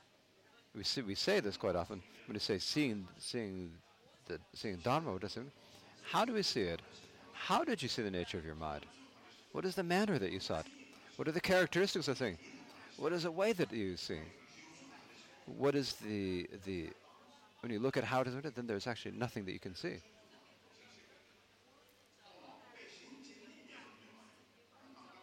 Just say, just say merely, there's another, no other object that can actually elaborate things. So it's like this. Milarepa himself said it. I, the Yogi Milarepa said, Milarepa said, I, the Milarepa said, the, looking directly saw the nature. So the unelaborateness, like, like not uh, something that is uh, uh, unseeable. When looking, when I'm saying looking directly, at that same time you have to be relaxed. Choking is a chok. Uh, it's like sitting there, just let it settle. First you're looking directly, then immediately you just send that, then you can do that, just let it be. Just let it, rest letting it be. When we put it, when talk, when we grasp a hot, but I said that, we just leave it right there. We just leave it right there, let it be. And so that is leaving it there. You're seeing the temperature. Just, uh, uh, so leaving it, leaving it there, and see the nature that has been leaving it as it is. I see in the nature, and because it is the thing, the thing is here doesn't mean the thing. Uh, doesn't mean a thing that means the thing, that all the phenomena of uh, phen- uh, samsara nirvana can be called things. Everything that we know is good. We can get, we talk about them. That is what we mean by thing. When we talk about thing, this means all of the phenomena of samsara and nirvana. All the the phenomena that appear to the mind. And we talk about the, we talk about that th- call that things, and seeing the nature of all things and realizing that they're empty.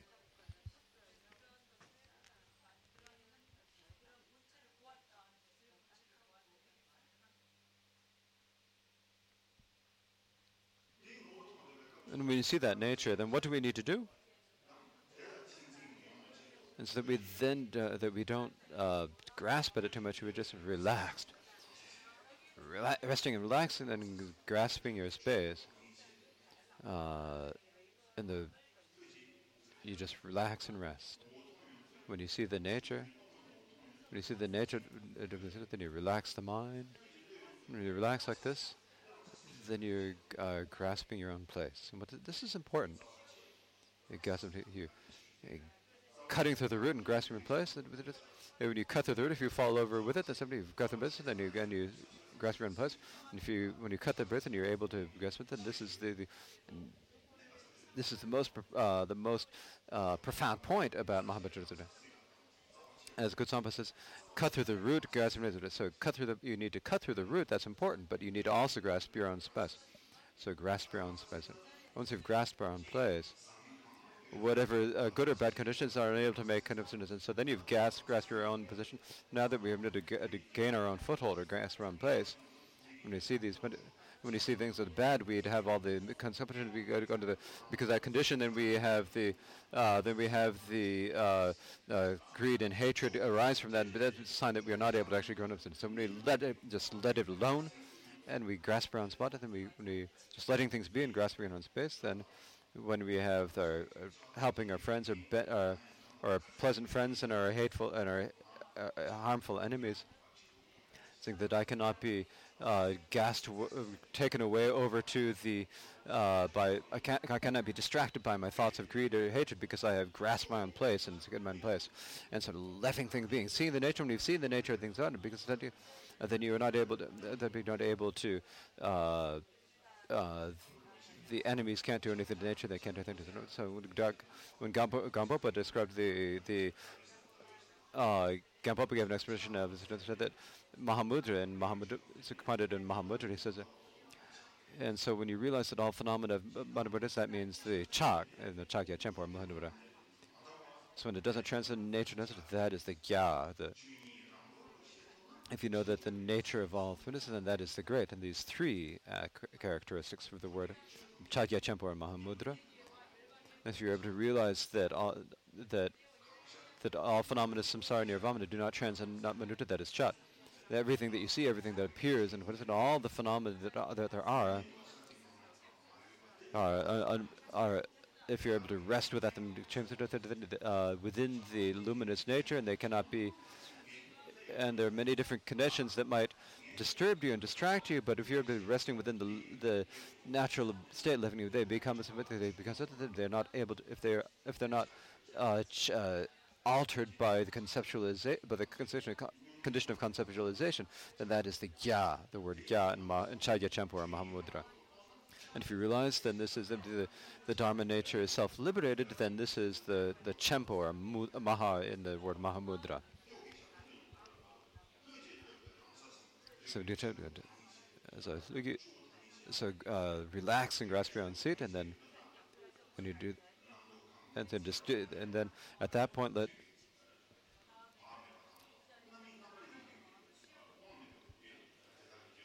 and so you don't uh, when you realize whatever happens at that point whatever conception happens then uh, you don't follow what do you think is good and what finds bad they can all be um, uh, they can all be just liberated in the dharma uh, so just be uh, they can all be liberated.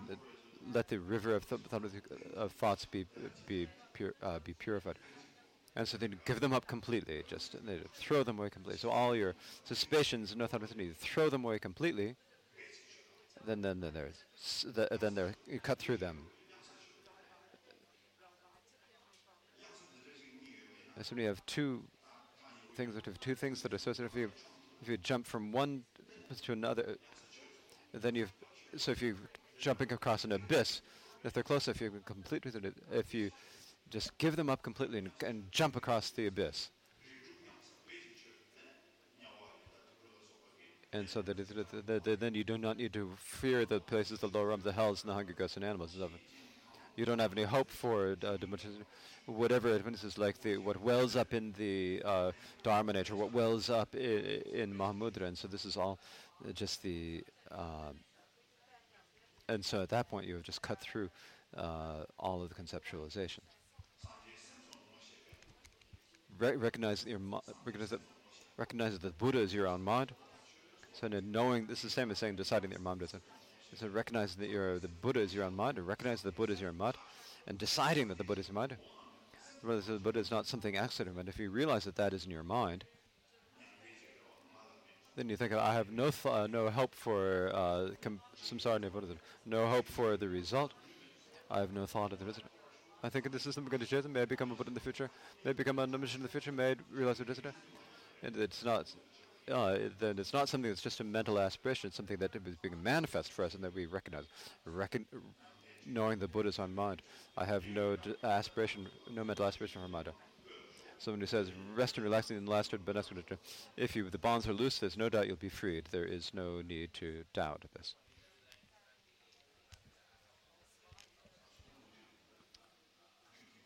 We'll continue with this in the next session.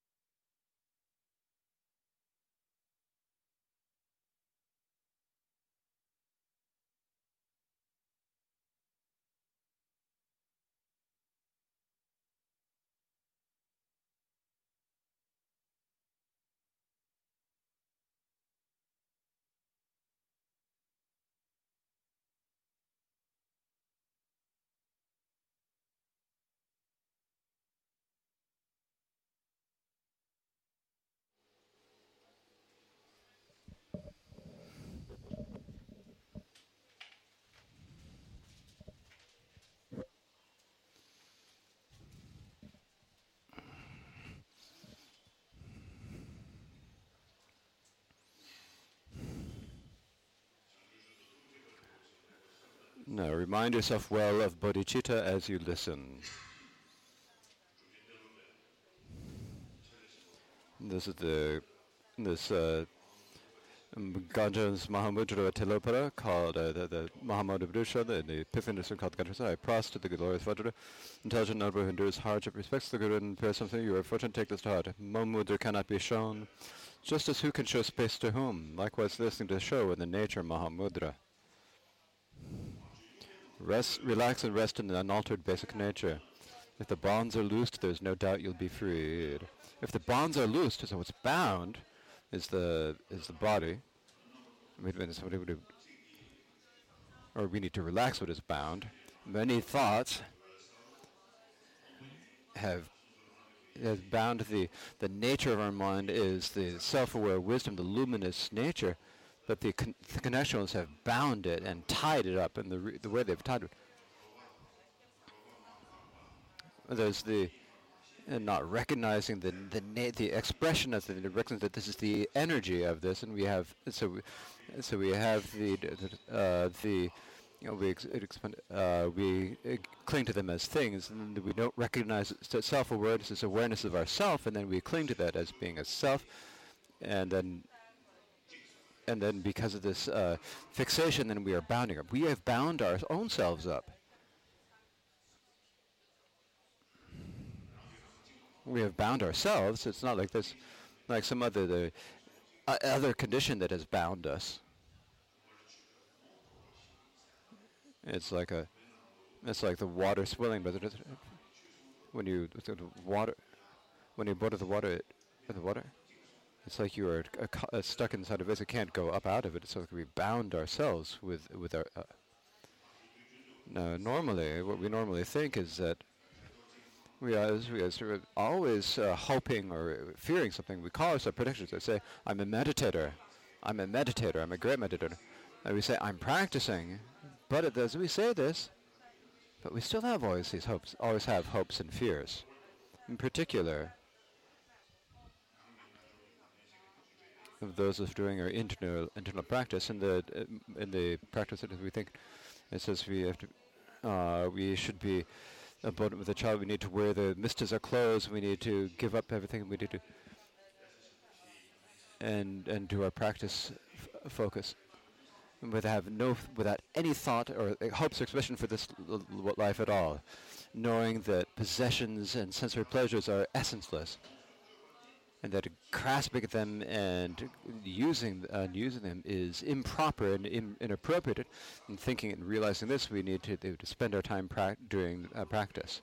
In particular, for us Kagyupas, holding the lineage of the Kavadasada, uh, from the Dharmakaya uh, Vajradhara to our Gurdam the practice of this meaning images is it does not depend on day and night. Without the practice of that, uh, without uh, distinguish from day and night.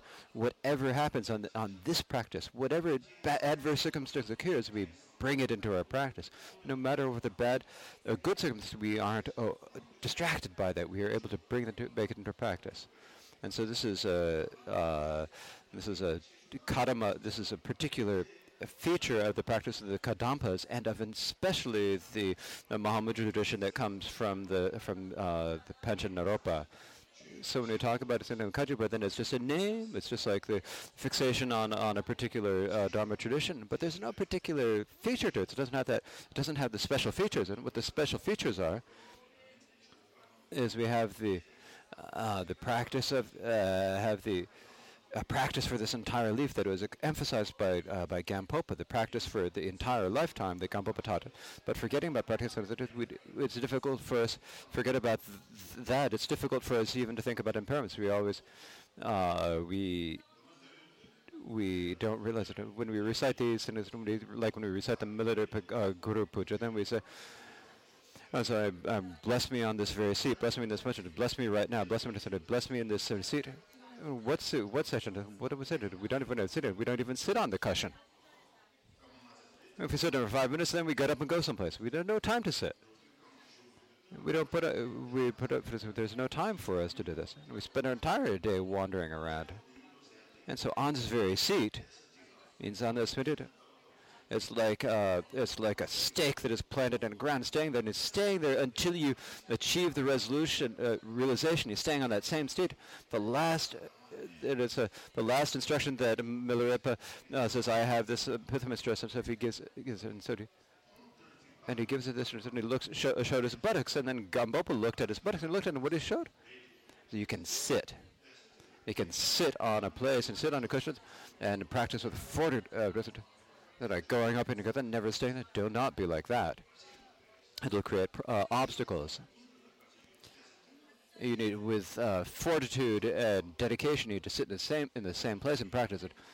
And until this, until you leave this seat, you need to be to develop the qualities of and realization practice. This is the final instruction that is given, and we all know this. And we say, I'm Kagyupa. This is not a question of a Dharma tradition. It's not a question of uh, it's the lineage that you have received and practicing that and then becoming like that guru. Becoming like that spiritual master. Become like the great beings who uphold that lineage and then becoming that times in, order to become a being just like them. We do this practice and so we realize the unaltered basic nature, And so whenever I die, so that I be, whenever I die, I am able to take death as the practice.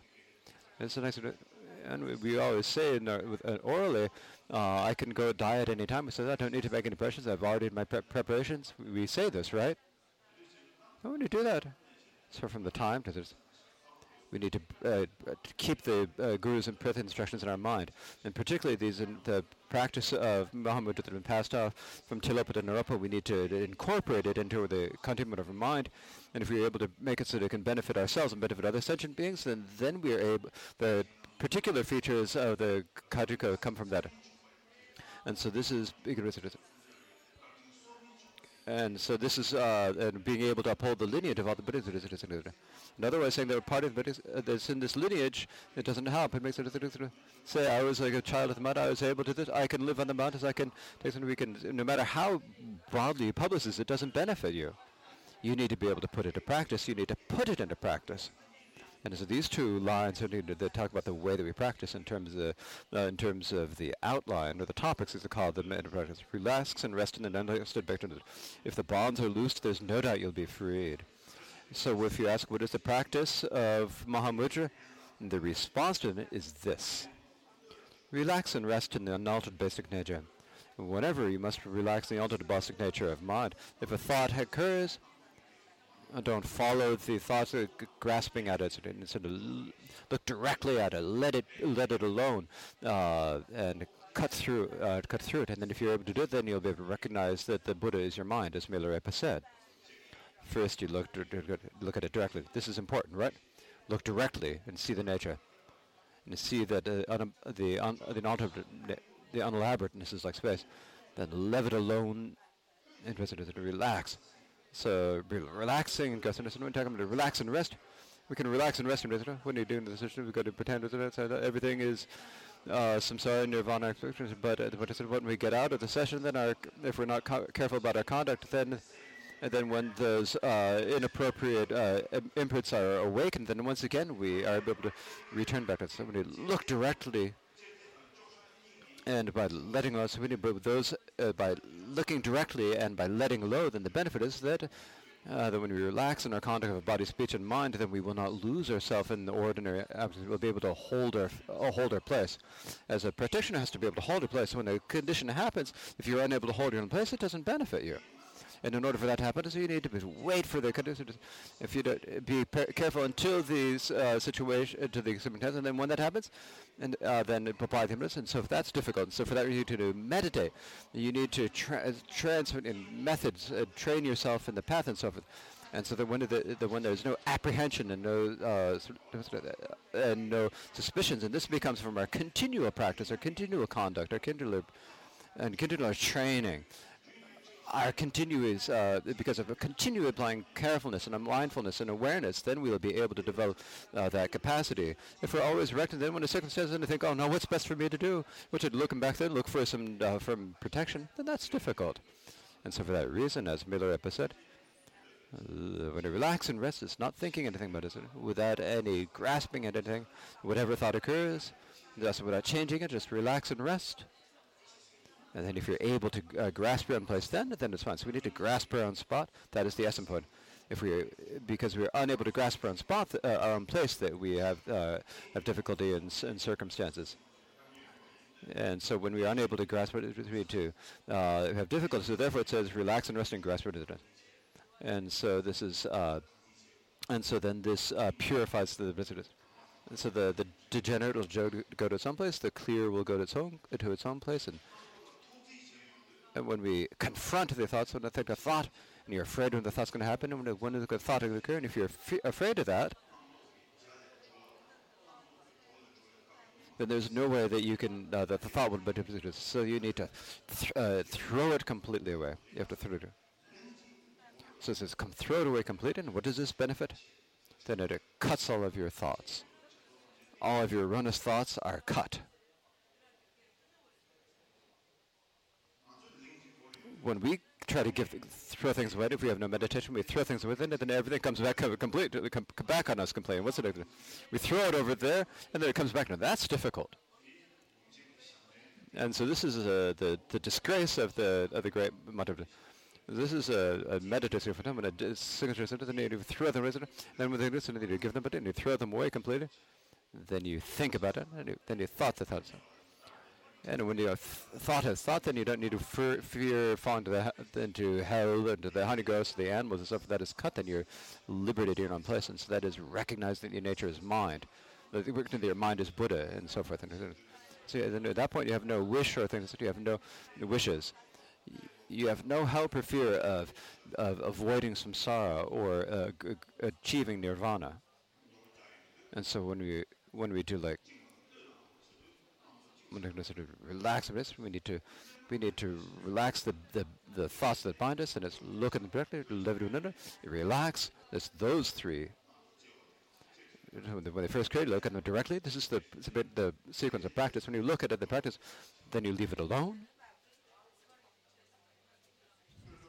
Once you've seen the unelaborate, then you just leave it alone. You know, without any effort, without any effort, you just leave it alone. When by leaving it alone, you can know the uh, way, the emptiness nature of all things when we practice. But then if you are uh, attached to, uh, to attentiveness, if you're fixated on emptiness, and this is a this is a wrong view that cannot be cured. So if you get, there are many thoughts, uh, many thoughts that come from clinging to emptiness, and so you just relax and hold your space. So that is like a, retreat. A retreat. So that is the um, important thing to hold your place. So if you're always practi- practicing with with attachment and treasuring, whenever whenever circumstances, they have to be able to make them into enhancements of our practice. And in order for that to happen, when we do that, then we need to achieve control over ourselves. We have to have control. We have to gain control over our minds. And if we gain control over our mind, then we, in order to do that, we need first to cut through all our projections. And we need to, it's not from outside, we need to cut through them from the inside. If we cut through the projections from the inside, then we are uh, freed from the uh, from the hope and fears, uh, hopes and fears, and from dualism. And that sort of yogi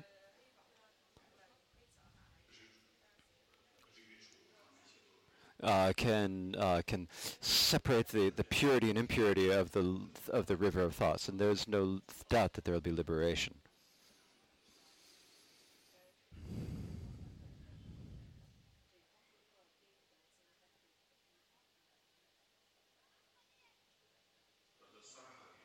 No, there's in the song of Saraha, in his Mahamudra songs, it says Kyeho. If you realize the nature of your own mind, if you realize the suchness of your mind, first it says Kyeho, or wondrous. Look at your own mind without being distracted.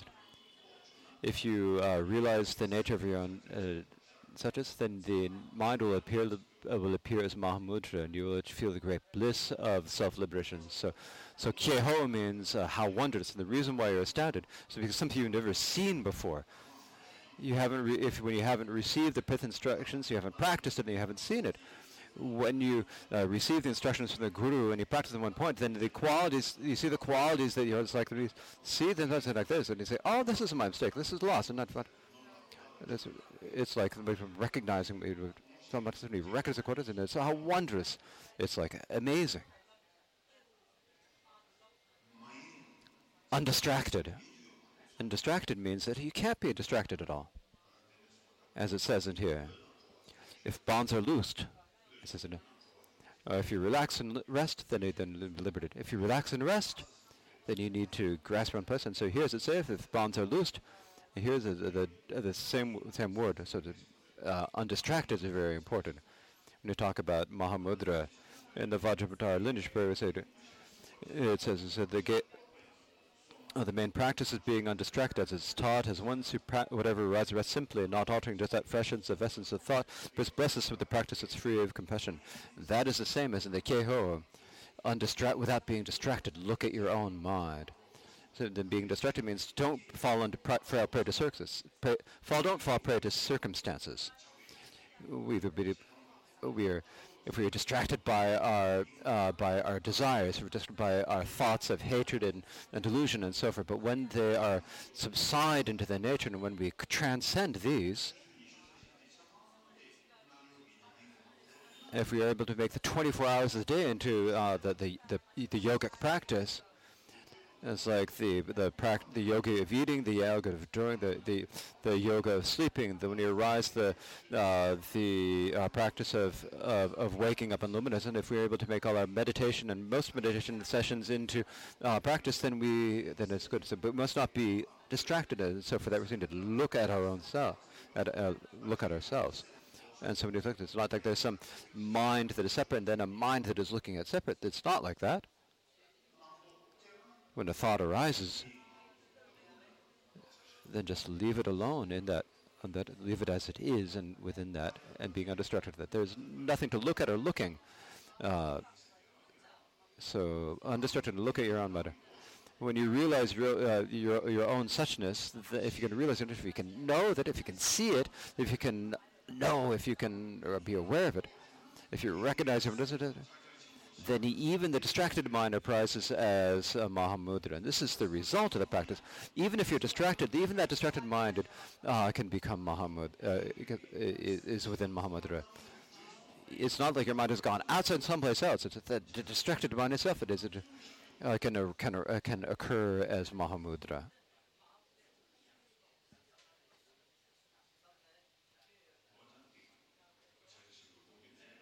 So the point of Mahamudra is this, right? As, it is said. So the distracted mind becomes Mahamudra. The distracted mind then also becomes liberated as Mahamudra and, and it, can, it can dawn in that. And so that, uh, so that the that you come to the self-liberation. When you have the, when you come to that self-liberation, then the great bliss is, uh, day and night is continuous day and night, and everything subsides into into this then all of your conduct of going and, and staying and so forth, there's no no obstacles at all. It's when our mind is distracted that there are obstacles. It's our uh, thoughts that are the obstacles. we we uh, when we're the, with the obstructions of our predication, the obstructions of our of our thoughts and stuff. When we when we uh, when we uh, when we when we're able to sustain the nature of mind, no matter what it is arises, then at that point, then and then we see that it's like the like the w- water waves and water come out of the water. In the end, they subside into the waters. And so, if whenever it arises, then if that can dissolve, uh, subside into the dharma nature, then that is great bliss. And so this bond is it. If bonds are loosed, there's no freed. You you can be freed, and the way you can be freed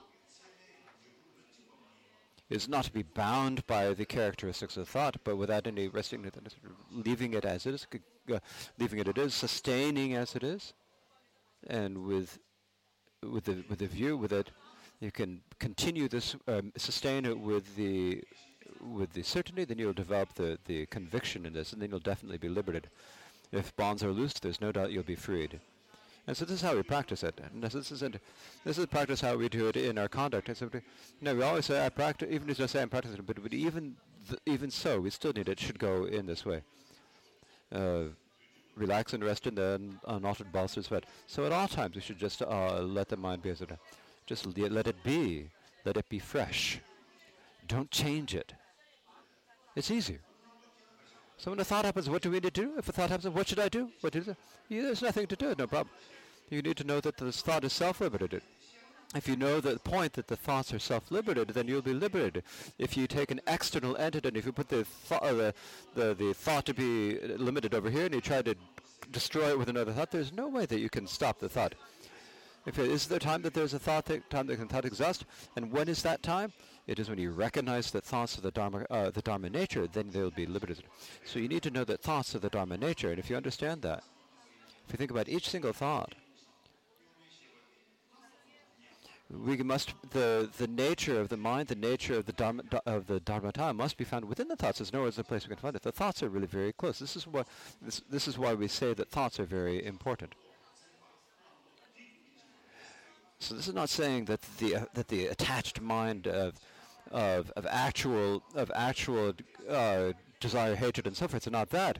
It's the nature of of the, the pure nature of desire, the pure nature of hatred. By looking at looking with the mind that investigates it properly, then we see, uh, we can say that it can never departs, uh, comes to or leaves from the nature of all things, and to recognize that is the self-liberation of all characteristics in it. Because and so this is how we supplicate for them to become uh, self-liberated, and this is when the basis of. This is in this understanding on this basis, in this order, and in this, but we need to supplicate in this way. Uh, uh, this is the and this is the the, the basis for in which we have to develop bodhicitta and develop love histories. For like when you derive the the peaceful and wrathful deities, we say. So I go for Retro the uh, so the, all the talks in the the saying when you, when you say uh, prostrate to the uh, uh, the channels and winds and so forth, then that's I'm talking about this. It's not uh, it's not that. It's understanding the nature that we need to do. Otherwise, it's different. It's knowing the nature. We're talking about the talking about the talking about the pure nature and talking about the impure and, we need to be able to distinguish between this uh, between these two, and by that intelligence being able to when that goes stronger and stronger, then at some point we get to the, the, impure. Then we recognize that the impure has that the nature of the, the network is that there's nothing to, to eliminate. There's uh, and then we are able to distinguish between. Uh, then we've transcended the the, the, the idea of need the we have transcended what needs to be. Uh, uh, we have transcended what needs to be. So it's like as Jamgon says, I prostrate to Devachasada, I prostrate to the gurus, I prostrate to the hells, I prostrate to the hungers and stuff. This is a very distinct thing. This is like a very strange thing to say. It's like you're you've maybe gone crazy, or it's like you're uh, individual. You always pray that we won't be, but when you say I prostrate to the hells, I prostrate to the hungry ghosts, I prostrate to the animals. If you're unable to, uh, if you're to practice, and if you practice uh, desire, practice it, you're saying this is like from the insanity. This is a credit if you look at it from a worldly level. When a yogi looks at it, the desire is self-limited, hatred is self-limited, uh, the de- delusions under, under and the when we get to that point, then we can prostrate. We can prostrate to uh, to greed, hatred, and desire. Then we're put up to actual desire, put to the uh, to the nature that to the, the nature of the discriminating wisdom and so forth. And we realize that that they are ne- that they never depart from the the, the expanse of the five uh, wisdoms, and we understand that we get some, and when we div- eliminate all our misconceptions and projections about them, then that's what it is. So it's, it's, it's so when you understand, then it's no different. Prostrating to desires no different for uh, prostrating to the na- to the nature of discriminating Western. There's no difference. It's just words. And so for a yogi, the words are not important. Uh, the the names, the the the the uh, the, the terms and the terminology and so forth that are important is important is looking at the nature and seeing that. And so in that kind of a situation of uh, that nature, and we, if we know that, it's what it says, if bonds are loose, there's no doubt you'll be afraid. This is the way we practice. Now, following this,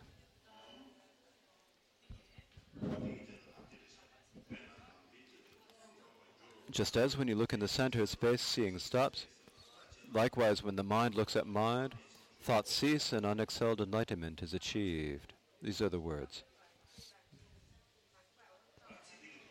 And the meaning of these words, uh, what it shows is at this point, it talks about how to uh, sustain letting it be. Sustain letting it be, or sustain the natural state, or how to sustain the nature of mind. How to maintain our practice. How to uh, sustain our letting it be. Or sustain letting be, I should say. Just as when you look in the center of space, seeing stops. When you look at the center of space, you can look at it, but there's nothing that you can see there. When you look at the center of space, the characteristics of space and the shape of space and the color of space and the nature of it, there can't be seen. Seeing stops. You look, and there's nothing to see, so you f- can experience that. When you look in the uh, when you look in the center of space, seeing stops. Likewise, when the mind looks at mind, we just say the mind looks at mind. We said when it's talking about the mind looks at mind, there's actually no not really looking as a mind actually looking at mind, but it is maintaining that that nature. Uh, sustaining the, the mind in equipoise is sustaining the nature of mind, uh, sustaining the ordinary mind, as Gampopa said. The ordinary, what does that mean? It means ordinary, it means regular, something that's unchanged, just the left alone, just mind, just uh, leaving, uh, sustain the ordinary mind that is not changed or altered sustained the, unal- the ordinary mind.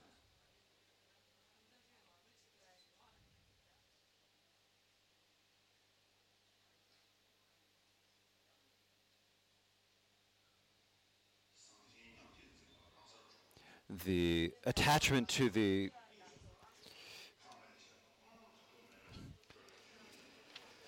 uh, so, uh, so it is as um, uh, said, may the clinging of experiences be good as good and be naturally liberated. May that be the clinging to experiences good, and the clinging to experience, the not letting that ex- uh, to bind their material experience, and, and not abandon through by the antidote, but recognizing that that attachment is naturally liberated. It's like uh, an ice cube melting into water. That ice, because the condition of coldness, because because of cold weather because of electri- electricity, because of that uh, that icing does not turn into because of uh, be, uh, but because of circumstance it appears as well. Free of those conditions of cold, or because of um, the electrically manufactured cold, then it then it returns to its original nature, which is water, and then it goes returns to water. May clinging to experiences be as good be naturally liberated. May the delusion of thoughts being bad be purified in the expanse. That the delusion of thoughts is not something that needs to be changed. You just recognize, uh, recognize it as purified in the expanse. And these two, the good thoughts and bad thoughts, and when those are, uh, when, when those perish, and what is left? The ordinary mind. That is what left. Ordinary mind means is the ground of all sentient beings. It is the, na- the nature of all, of all sentient beings. It is the uh, nature of all sentient beings that is inseparable from the Buddhas. There is nothing to give up, nothing to take in, nothing to give up, nothing to add. There's nothing to add, nothing to lose or gain. There's no no samsaric uh, phenomena to remove or uh, nirvanic uh, phenomena to add. May ordinary medicine with nothing to remove or add lose again. So as it says here, Likewise, when the mind looks at mind, thoughts cease and unexcelled enlightenment is induced. If the thoughts cease, thoughts cease means doesn't it that they just completely perish? It's like that they are laterally liberated. The clinging to them existing, the clinging to things being true. Think that if things are, when then we come at cling as things are emptiness, we are attached to, that, uh, attached to them as being emptiness, that is also a fault whatever we ex- cling to something as being uh, existing or non-existing, or being or not being, then whatever fixation we have, is is affirmed. And so when the thought, when the, all of the thoughts cease, then naturally all all naturally subside. At the end of the 60 stanzas of reasoning is what it says. Uh, so and so when you have gone to the point where you're no moved by thoughts, and so when you have the thought, to think that something is, uh, is emptiness, it is unelaborate, it has no nature, and you're thinking that, and that thought, when that thought, when you, and not even moved by that sort of a thought, And when the thoughts are then thesis, then you, and then you uh, thought when all the thoughts of things being ex- existing or not existing and so forth, uh, then we will be able, to, when those are naturally subsided, we'll be able to cross the through the ocean of some uh, of existence. And so, as it says here, thought cease and unexcelled enlightenment is achieved. When you say cease, there are many ways to understand this. It's because of uh, there's one way of talking about using an antidote to cause the the the, the, the make thought cease. But there are many ways. But it's one of the when the mind looks at mind, the reason is it. So here it's telling the shots, and when it's showing the the reason, if your mind looked at it properly, and if you looked at the and, and if you're able to look at your mind with mind, you're able to continue can sustain that essence.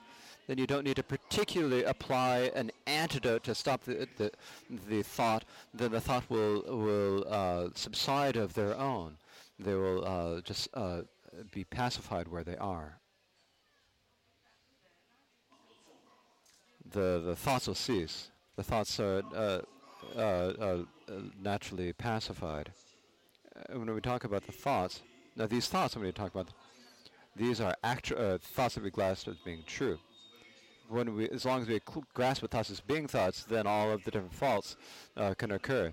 Then all the faults and the problems can occur and becomes because we ex- to uh, grasp at thoughts as being thoughts, and if we just generally thoughts being there as, as, as uh, being not a problem. This is said in many different pith instructions. When you're talking about these these thoughts, the thoughts that sees is not just thought in general, but it is the thoughts that we particularly grasp at, or that we initially grasp at it. That is what we insist on. And that thought, when you look at it in our mind, then the thoughts naturally subside into the uh, Dharma nature, then there's no problem with there being general thoughts. It's, we're not practicing because we don't need thoughts. We don't meditate in order that thoughts don't occur. We don't meditate by looking at our thoughts or thoughts. We don't. We don't. Uh, we don't meditate with the hope that the thoughts will stop and we'll have developed some qualities. I think this thought is okay. We don't also. Th- we don't meditate saying, I need to stop these thoughts that they are obstructions for me. Uh, what, what it is is, even though they're thoughts, we are not affected by the thoughts. Uh, even though they're thoughts, we are not obstructed by the thoughts. And if we have the thoughts and they do not prevent us from medit- being in uh, meditative equipoise, then that is the type of meditation we have. It's that fixation. That fixation and that first attachment, that first exhibit, that is what uh, that is uh, what uh, creates obstructions for us. They do not, uh, thoughts in themselves do not generally make it.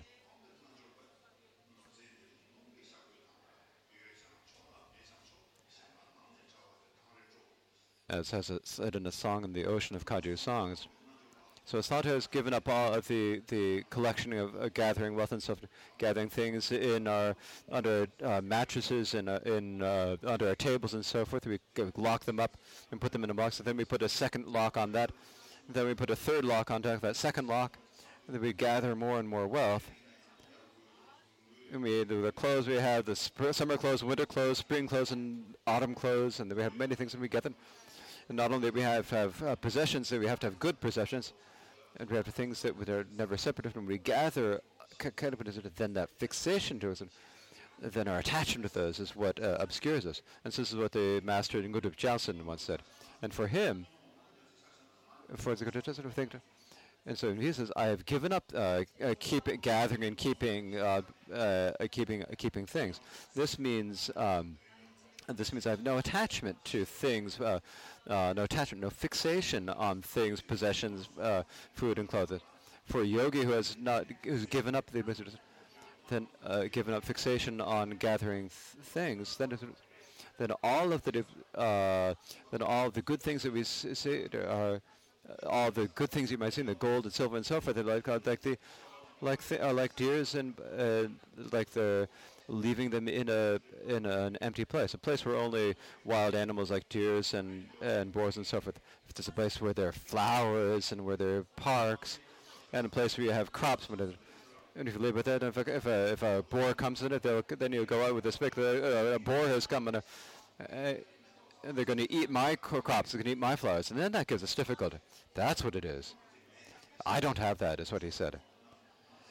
For me, the yogi who has no attachment to gathering things, whether I have them is good, whether I don't have them is okay. If I have things, that's fine. And no matter if I filled this entire temple with gold, it'd be fine, but I has no attachment to it. If I have it, it's fine. The most important thing is uh, having uh, being free of attachment within yourself. That is what then is naturally impetus. If you have no attachment to this, not to, uh, to, to things uh, better, then there's no benefit or harm from attachment to things. And so it is the attachment being liberated from inside. It's not saying uh, the thing it means not that there are no thoughts. It means that they just leave them alone. Then the thoughts do not obscure us. There's no there's no difference if thoughts have thoughts. For example, a yogi, when he get to a high level of practice, then then it's even better when there are thoughts. The more thoughts there, then that then that all of those thoughts are, no matter how many they are, can become aids in our practice. When uh, when there is a forest that catches fire, the more uh, the more uh, wind there is, the the the, uh, the better, more help it is to the fire. And if there's no fire, uh, no wind, then it can't spread. So like for the yogi who is practicing, then no matter uh, the uh, adversity appears as an ed- as uh, as aids in practice. No matter the more that happens, the uh, the more adversity they have, the more it becomes aids in our practice. So it's our, and so that type of yogi is able to transform the obstacles into practice. And it's like otherwise you don't say, you know, talk to tell, tell the spirit. So come here, here does come to visit. If you think, uh, so you'd have to be someone who has the power and the ability, someone who has the able to practice and it has the particular abilities of practice, someone is able to overcome their obstructions uh, over their practice and be able to transform them in practice. Otherwise, for us ordinary people. Uh, if we don't have that and say, uh, let it the obstacle, something just creates problems for us.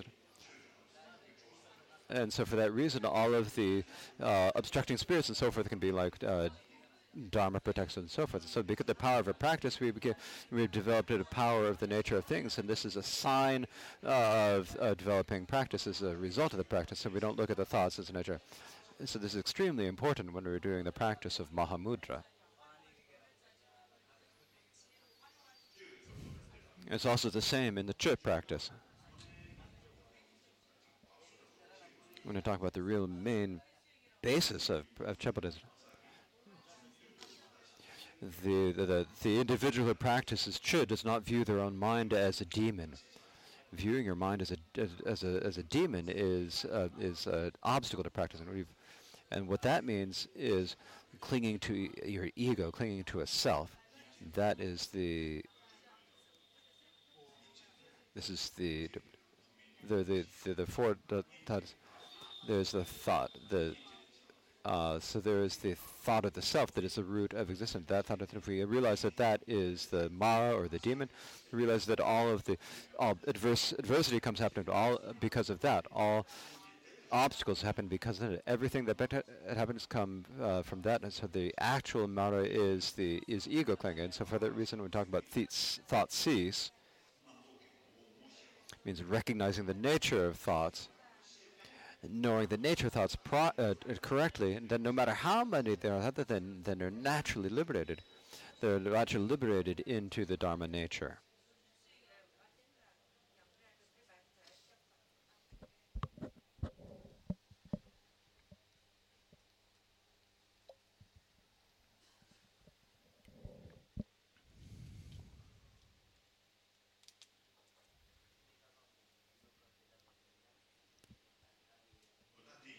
And so that the thought cease and unexcelled enlightenment is achieved. Just as clouds of mist dissipate into the expanse of sky, not going anywhere, not staying anywhere, so it is with thoughts arising in your mind. Seeing your own mind purifies the waves of thought.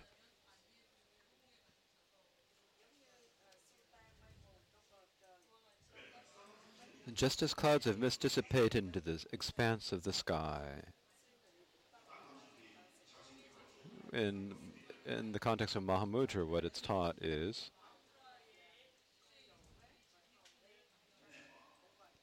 stillness and motion. We talk about stillness and motion, these two. Often we talk about stillness, motion, and awareness, these three, right? Stillness, motion. and then the, the awareness of its nature. We talk about the stillness, um, emotion, and awareness, and here stillness and awareness. And here it's talking about not stillness and awareness, it's talking about motion. So among these three, it is motion. It's a motion. This is that the, that the motion is with motion within the dominator, nature, but the, the thoughts occurring, the motion, if you know the nature, they are liberated. So so when the thoughts move or when thoughts occur, then knowing how that they dissolve into the uh, to the dharma, uh, the dharma expanse.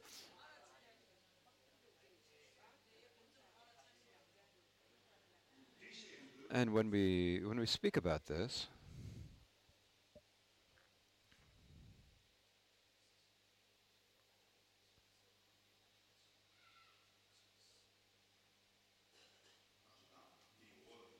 and going to, there's a citation I could give, but that'll come come from come later as well.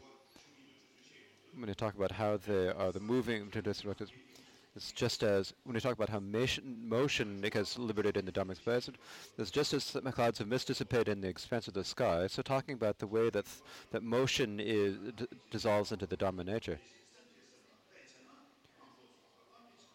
And so, as it says above, just as when you look at the center of space, seeing stops, the nature, the, the mind looks at mind, the thought cease, and the enlightenment is. It's like we talk the the the co-emergent mind essence is the dharmakaya, and the uh, uh, the unceasing appearances are the uh, play of the dharmakaya. And so when you realize that thoughts cease, this is talking about the, what this teaches is the co-emergent mind essence, the Dharmakaya. Later, when it talks about the, the uh, when it talks about the the co-emergent appearances as the light of the of the Dharmakaya. So when we talk about this, so let's talk about the let's talk the two different twelve. It talks about the twelve types of motion, the self-purification of, of the self-purification of a motivation. Talk motion means the motion or the occurrence of thought. They recognize when that is uh, liberated in the dharmata, and so this is the self-liberation of motion so the th- so the the clouds clouds clouds that naturally dissipate, and that is similar. That is uh, self self purified or or self dissipating. When you talk about the the, the self liberation of thoughts, and talk just as the clouds of mist dissipate in the sky, if a mist from the ground, you know that because it comes it comes originally from the clouds, and it and it eventually uh, goes down into the ground. It, it, it, it, or dissipates into the sky, expanse of the sky. When it's dissipated in the sky, not going anywhere, not staying anywhere. The mist, where does it go? Where did it disappear? Where did it stay? If you examine this, you can't find anywhere. It hasn't gone anywhere. It hasn't stayed anywhere. So it is with the thoughts arising from your mind. The thoughts in your mind that, are, that occur from mind, virtuous, unvirtuous, or neutral many thoughts occur. They, uh, all the thoughts occur in the mind. They do not need to be dis- uh, defeated with an with uh, uh, with an antidote. It's by seeing the nature of mind. Where they come from is they come from your mind. So they come out of your mind, and so when you come to the strike the important points of the mind, then because of this, then the uh, then the waves of thoughts subside, just as waves subside into the ocean. There's the uh, the thoughts for rising from mind uh, are uh, purified in the like the purif- seeing your own mind purifies the waves waves of thought. So if you see the nature of mind, then there is no need to particularly liberate uh, to, to there is no need to particularly eliminate thoughts. You just let them subside on their own. They're self self purifying. If you know the way that they're liberated on the, just resting in the natural state of your mind and without changing it, you have the conviction of the view and the level of the practice. And when you uh, sustain the nature of your of whatever it is arises, then you'll be that'll all be subside into the nature of the mind.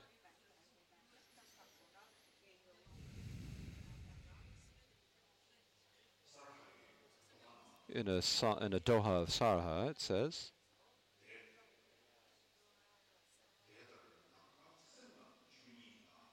There is in this. If there's not even the slightest separation in sky and the nature of the mind, then the word separation is just a, an adventitious uh, label. And this is sort of, in this way, in this way, the mind, if three things, the mind, space, and the dharmata, these three are one in essence. They cannot be separated. They are cannot be indifferent. They are not affected by uh, conditions. They cannot be changed by circumstances. If you, in the nature of the, how things are, they're the same. if you recognize that your mind has the same is, uh, similarities to space, then there, there is. But there's no separation. But there is some. The separation is that this is the mind, this is the space, this is the dharma nature. Is something separate? If you say that, then that is false that the separate names are just uh, temporary names that you're giving. It's just th- uh, thoughts that you're projecting, projecting with them. But actually, there is no separation of the two. So the uh, the the separation is just projected by mind. So when you say the thoughts cease, uh, so this uh, the the thoughts of them being separated also needs to sep- uh, also needs to cease.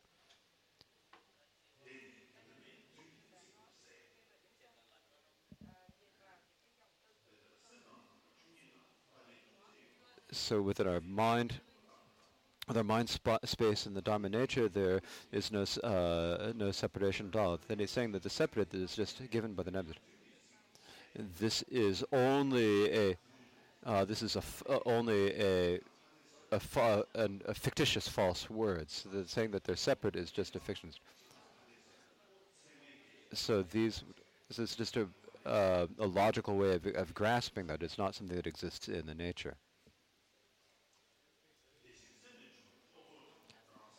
So it is with the thoughts arising from your mind. Seeing your own mind purifies the thoughts. If you know the na- the the point of minds being uh, self-liberating, uh, then it becomes uh, then you have realization. If you do not know that, then the realization is obscured. When a pr- when a yogi practices, what point they have to know? They need to know the point of uh, letting thoughts be liberating upon rising. Thoughts arise. The thoughts occur. There's no problem with that. Um, but you don't need to particularly uh, particular uh, fixate on them. But then if you know that, then they can be liberated. Uh, it's like if you know that, and it's like uh, a snow falling on onto a hot rocks, and the moment that and when the, if you, if it's if, if snow falls on a hot if, snow falls on a hot rock, then it automatically liberates. Uh, if we know this point about this, uh, this point about the thoughts being liberated when they arises, then they, then we realize that they're just the what wells up out of the, uh, they're just a display of the Dharma nature. And so when they're talking about it, so when talking about the thought cease above, when it's talking about uh, seeing your own mind purifies the ways of thought, come to the same point.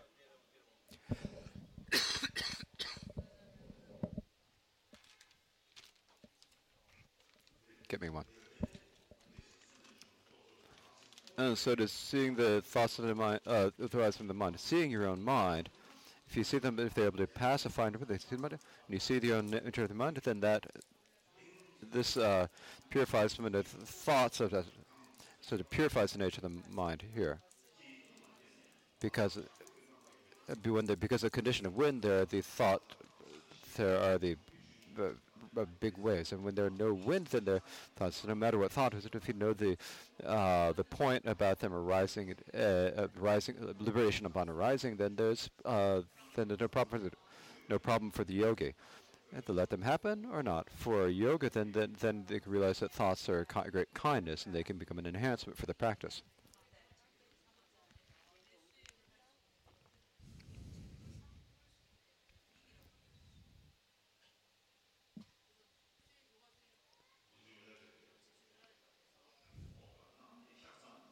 When uh, Milarepa said, when thoughts arise from inside, with a thought, then we talk about the, then talks about the, if we don't, if you don't know how to talk about, if you don't really understand the way the words work, then some of the, the pith instructions don't have any point. It, when you talk about the words of the, the th- talk about the philosoph- philosophical terms of when you talk about that, the word realization, if you realize it, realizing and knowing and understanding, a realizing, there's sometimes when it means that. Sometimes we talk about talk, uh, uh, realization. It can also uh, can talk about be uh, can talk about it as realization as not not knowing. Also, when someone realization says, Uh, So when Milarepa says that the realization upon uh, uh, arises from inside, so this here means the the confidence of the confidence of liberation, that strength of that the the level of conviction of them. When that l- conviction of of realization, then it's like the sun shining uh, shining in the darkness, or it's like li- lighting a uh, turning on the light in the darkness the moment that the light the, the moment that the light shines the moment that the light that the sun shines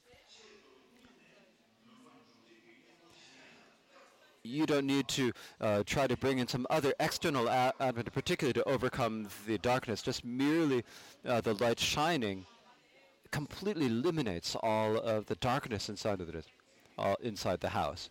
And so this is the and so this is the same uh, seeing your own mind purifies of inside is the same.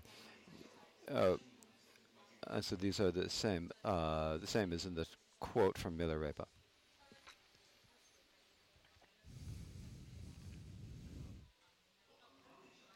When realization arises from inside, not, uh, saying inside doesn't mean from within our chest. It means in our within our experience, from within our experience. It doesn't mean to come up from our bodies. Uh, from our bodies, it's not that in uh, the inside from within does not mean from within our practice. The external external would be just mere understanding from because of scripture and realization and, and intelligence. If you did, if you go for refuge in, in that reason, then it is uh, external. But here is from uh, when you it comes from the experience of your relations, and that is from within. Having that that con- conviction coming to it, it's like the sun, uh, the sun shining in darkness. It's when the sun shines in darkness, the the the thoughts and afflictions. And what the afflictions is uh, here, afflictions means the incorrect uh, incorrect minds. It can be understood as any. And so the the thought, the afflicted thoughts, are are cast out are cast, out without altering them. We don't have to think this is a good thought, this is a bad thought, and we need to keep. This, we don't need to think this is a good thought we need to keep. This is a bad thought we need to eliminate. They're just naturally, but it's- they're just cast out on that. We don't need to change them. We don't need to use an external a- antidote. Just recognizing them, just developing mod- uh, meditation within our within our mind streams. When you develop, when, is it, when the moment that realization arises, it's when we realization, the moment they recognize it, when they develop confidence, then we don't need to use another antidote. We don't need to use another artificial antidote. Uh, by seeing our own mind purifies the th- ways of thoughts. In the Mahamudra, when talk about when we talk about uh, dissolving into some place, liberating its own space, this is a very important word. It's a very a word that has a lot of blessings because of the points of practice. Uh, because the practice recognizes that you don't have to use an external. At, at that very spot, it is able to liberate it right there, in this very continuum, in this, in the wherever you are, you're able to get to the, get to the, be able to relax into the into the original nat- uh, nature. This is uh, very important. It's also in, in Dzogchen, right? It is also uh, self-arising, self-liberation. This is also talked about. If you do not know the points about self-arising, self-liberation, then you won't be able to grasp the the, uh, the uh, grasp the nature place of, of this. This is not just Dzogchen; it's the same as. You need to know the point of something self-liberated upon on arising. Then you won't be able to. You won't be able to gather this, gra- grasp the stronghold of meditation. And if you can grasp the stri- stronghold of re- re- of uh, of then you don't. If grasp the stro- the this, so then we'll able to be able to practice wherever you are, and you don't have to close the the methods, uh, close the doors, and close your windows and so forth, and cl- close everything you can do. it. So when you do your sessions, you know, you practice. It's like you're always inside your sessions, and you, you practice well, and then you go outside, and there are other people. So when you talk about sessions and post meditation, then it's diffi- uh, very difficult when we are practicing the, uh, the practicing Mahamudra, if you're a yogi who is practicing the Mahamudra, then there's then you don't need to distinguish between uh, meditation and post meditation. Then, if you're able to uh, sustain the nature of your mind within all, all these other practice, uh, uh, with the situation wherever you go and whatever you're doing, then uh, then that is pra- practice. If you are overcome by those, there's no way you can ever get to self liberation. In the same way, with stillness and motion, uh, means when thoughts are not occurring, when the mind is resting, relaxed, without any thought, without any thought occurring free of thoughts. When there are no thoughts, that is stillness. And when a thought occurs, that is motion, occurrence. until we can eliminate the distinction between uh, the uh, stillness and motion, then we won't be able to gra- uh, achieve the stronghold of meditation. We need to uh, we need to overcome this. I mean, like there's a wall between the two. There's one side of this one side, and there's, there's this side, and you have this side and that side, and because of that wall, this is what happens, right? When you talk about this side and that side, who made it? It was made by that wall. Because of that wall, there's the other side, and then this this side. And the, and the the difference is by made by the, if you can if you can if you can destroy that what if you can if it falls down then there's no question then that projection of there being th- this side and that side is gone there's no this side of that uh, anymore so what is what it makes it it's, it's so this is made by our dualistic thoughts and therefore, that just because of that distant thought, we have uh, we have uh, samsara and thought. We put a wall there, and a good and bad thought. We have another wall. us and other, self and other, one and other, samsara and nirvana, uh, uh, stopping and arising, going and coming. All of these thoughts because of that that boundary thing. We need to destroy that that that that uh, boundary. We need to destroy that, but it's not by using another antidote. It's by knowing the nature of being self, uh, being self-liberated. If we, and if we understand that it's liberated from self, and then there's no different. And it's this between stillness and motion. Uh, because within the stillness there can be motion, within there's motion there is a stillness, and then and and then and eventually you get to the point where there is uh, no no difference between the two. And, and for that is uh, for us right now, there's not the. There's shamatha. We have to practice shamatha. I can't sit at all the thoughts. So one thought after occurs, one falls after another, and there's that, that's something I think, I think I forget about uh, being able to meditate in the mind. I'm not even going to find any practice, uh, find any peace. And for that reason, we do shamatha. And for doing shamatha practice, we need to do uh, have meditation sessions. Then when we finish the session, then the thoughts occur. This naturally happens and that, that one or two hours of shamatha that we finished does not so much uh, does not bring much benefit afterwards. At the time, there's some benefit, but if we if we continue, but if we can, then it does not much bring much later. Um, but if we are able to, uh, whatever occurs, if you're able to sustain the nature and rest within that, then within that stillness there is motion. But there isn't. A, but we have said we have. Uh, make when we have broken the boundary, broken down the boundary between the two, then when you're, there's motion, there can be uh, uh, motion. Within that, when that motion doesn't harm the uh, subject, uh, stillness does not harm the motion. The motion doesn't harm the subject. The mind being still does not does not prevent the uh, prevent the thoughts from occurring. When you can the the and the thoughts occurring does not um, the uh, the thoughts occurring does not does not uh, harm the, uh, harm the stillness, and so as Paul Rinpoche says, when you have to break down the the break down the boundary in between the stillness and the mantras, and when you look at the nature of them, then there's stillness, and so the the third the occurrence does not harm the nat- the stillness of the mind. Uh, so when you in the, with emotion look at the staying when you when you rest within that, that is the non-dual yoga, and so that is awareness, and that comes with it. We have the, first we know the individual of stillness and motions. We when we talk about this, then then we then we cut down the boundary between stillness and motion, and then when you realize that there's uh, no difference between them, when you're aware, when you know that, that is what we call awareness, and that's we're talking the undis, uh, the uh, the unaltered mind, the fresh mind. That's the, the, the mind letting it be. So so there's a time we need to use the If we always say the the basic mind, the uh, the the, nat- the natural state, that's what. When you're just sitting in a blank state, that's not the unabutted. We have to have the you know, we have to grasp our own place. We have to cut through the uh, cut through the root, grasp our own place, and then uh, uh, grasp our own place, and then and recognize the Dharma nature, then whatever uh, thoughts occur, they occur within the Dharma experience, and when they and when they subside, they then we realize that they are like dreams and illusions and are ex- ex- uh, that do not exist of their own, then we can rest in the in the fresh, unaltered nature of mind. That's what this means. So as Milarepa said, the uh, so the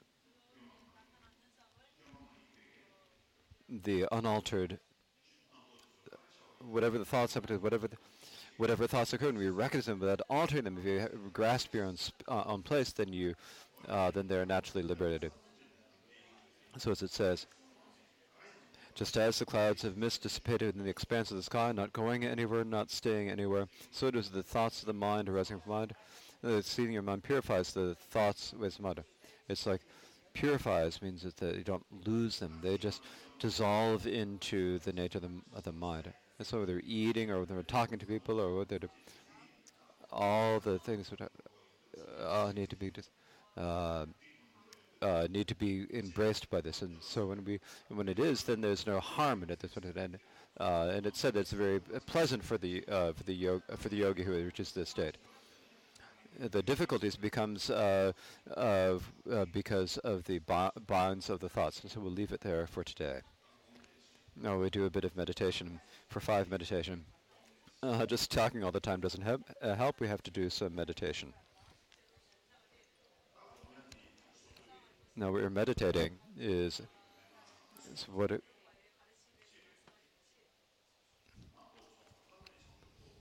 it's just as thoughts cease and unexcelled enlightenment cease. As first we would think about it.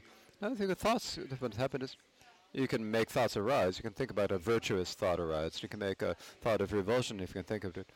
You can think about where it came from, what its uh, essence and uh, characteristics. Uh, how does it go? Examine how it is.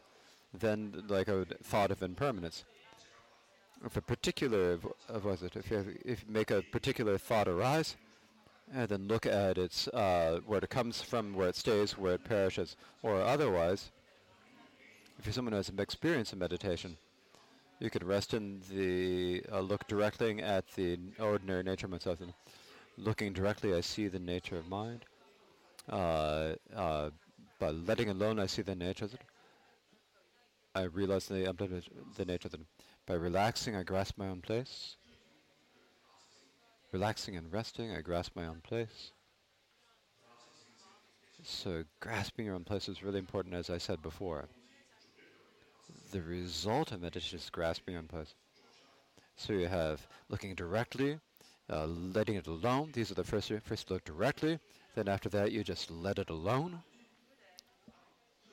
And then you just relax and rest. And by looking, resting and relaxing, the just kind the, the you uh, distinguish the good and bad in the river of thought,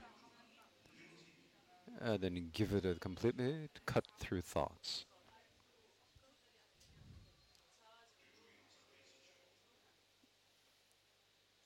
Entirely cut through all moving. So now thinking about this, please rest in meditation for a while.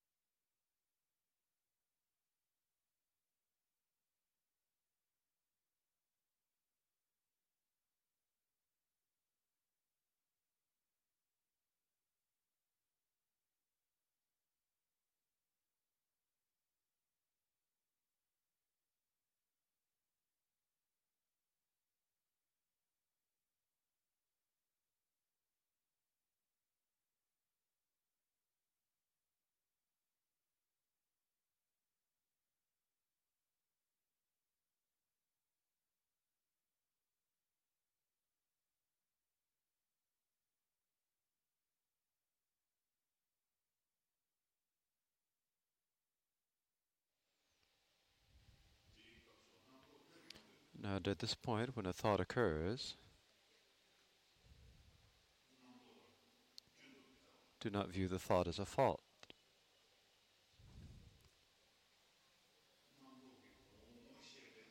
Recognizing the nature of the thought, in that very instant, the thought is self liberated. It is self liberated. There's no, not applying an antidote. There's no thought of applying an antidote when the thought comes. The moment that the thought arises, you recognize the nature and see the nature. The thought is self liberated, uh, or liberated where it is like a wave subsiding into an ocean or an ice cube melting into water. This is self arising, self liberation. If you know this, and within the self self arising, self liberation, the primordial nature, what we call Samantabhadra in the Dzogchen and, ma- and or co-emergent in the Mahamudra. It is there from, there from the beginning. It's not thought stop and then only then that that, that the uh, wisdom comes from somewhere else. It's not like that. It's not something that comes new. It nakedly arises inside. That nature is with that wisdom is present with us, but is bound by, bound up by thoughts. We it's there, but we don't recognize it when we recognize the nature of the thoughts, that wisdom is uh, has been present within our continuum from the very beginning. when the movement of thought is uh, naturally purified, then then it becomes revealed. Uh, it doesn't it doesn't become when uh, when it is obscured by the faults and, and thoughts and so, uh, so, forth, then it doesn't grow strong. When you get to the point to this question of whether it is obscured or not, then when it is unobscured, then it is clearly seen. You see that the the wisdom that is present within it tells the, the nature, of the basic nature, and within uh, recognizing that internal nature, we recognize ourselves.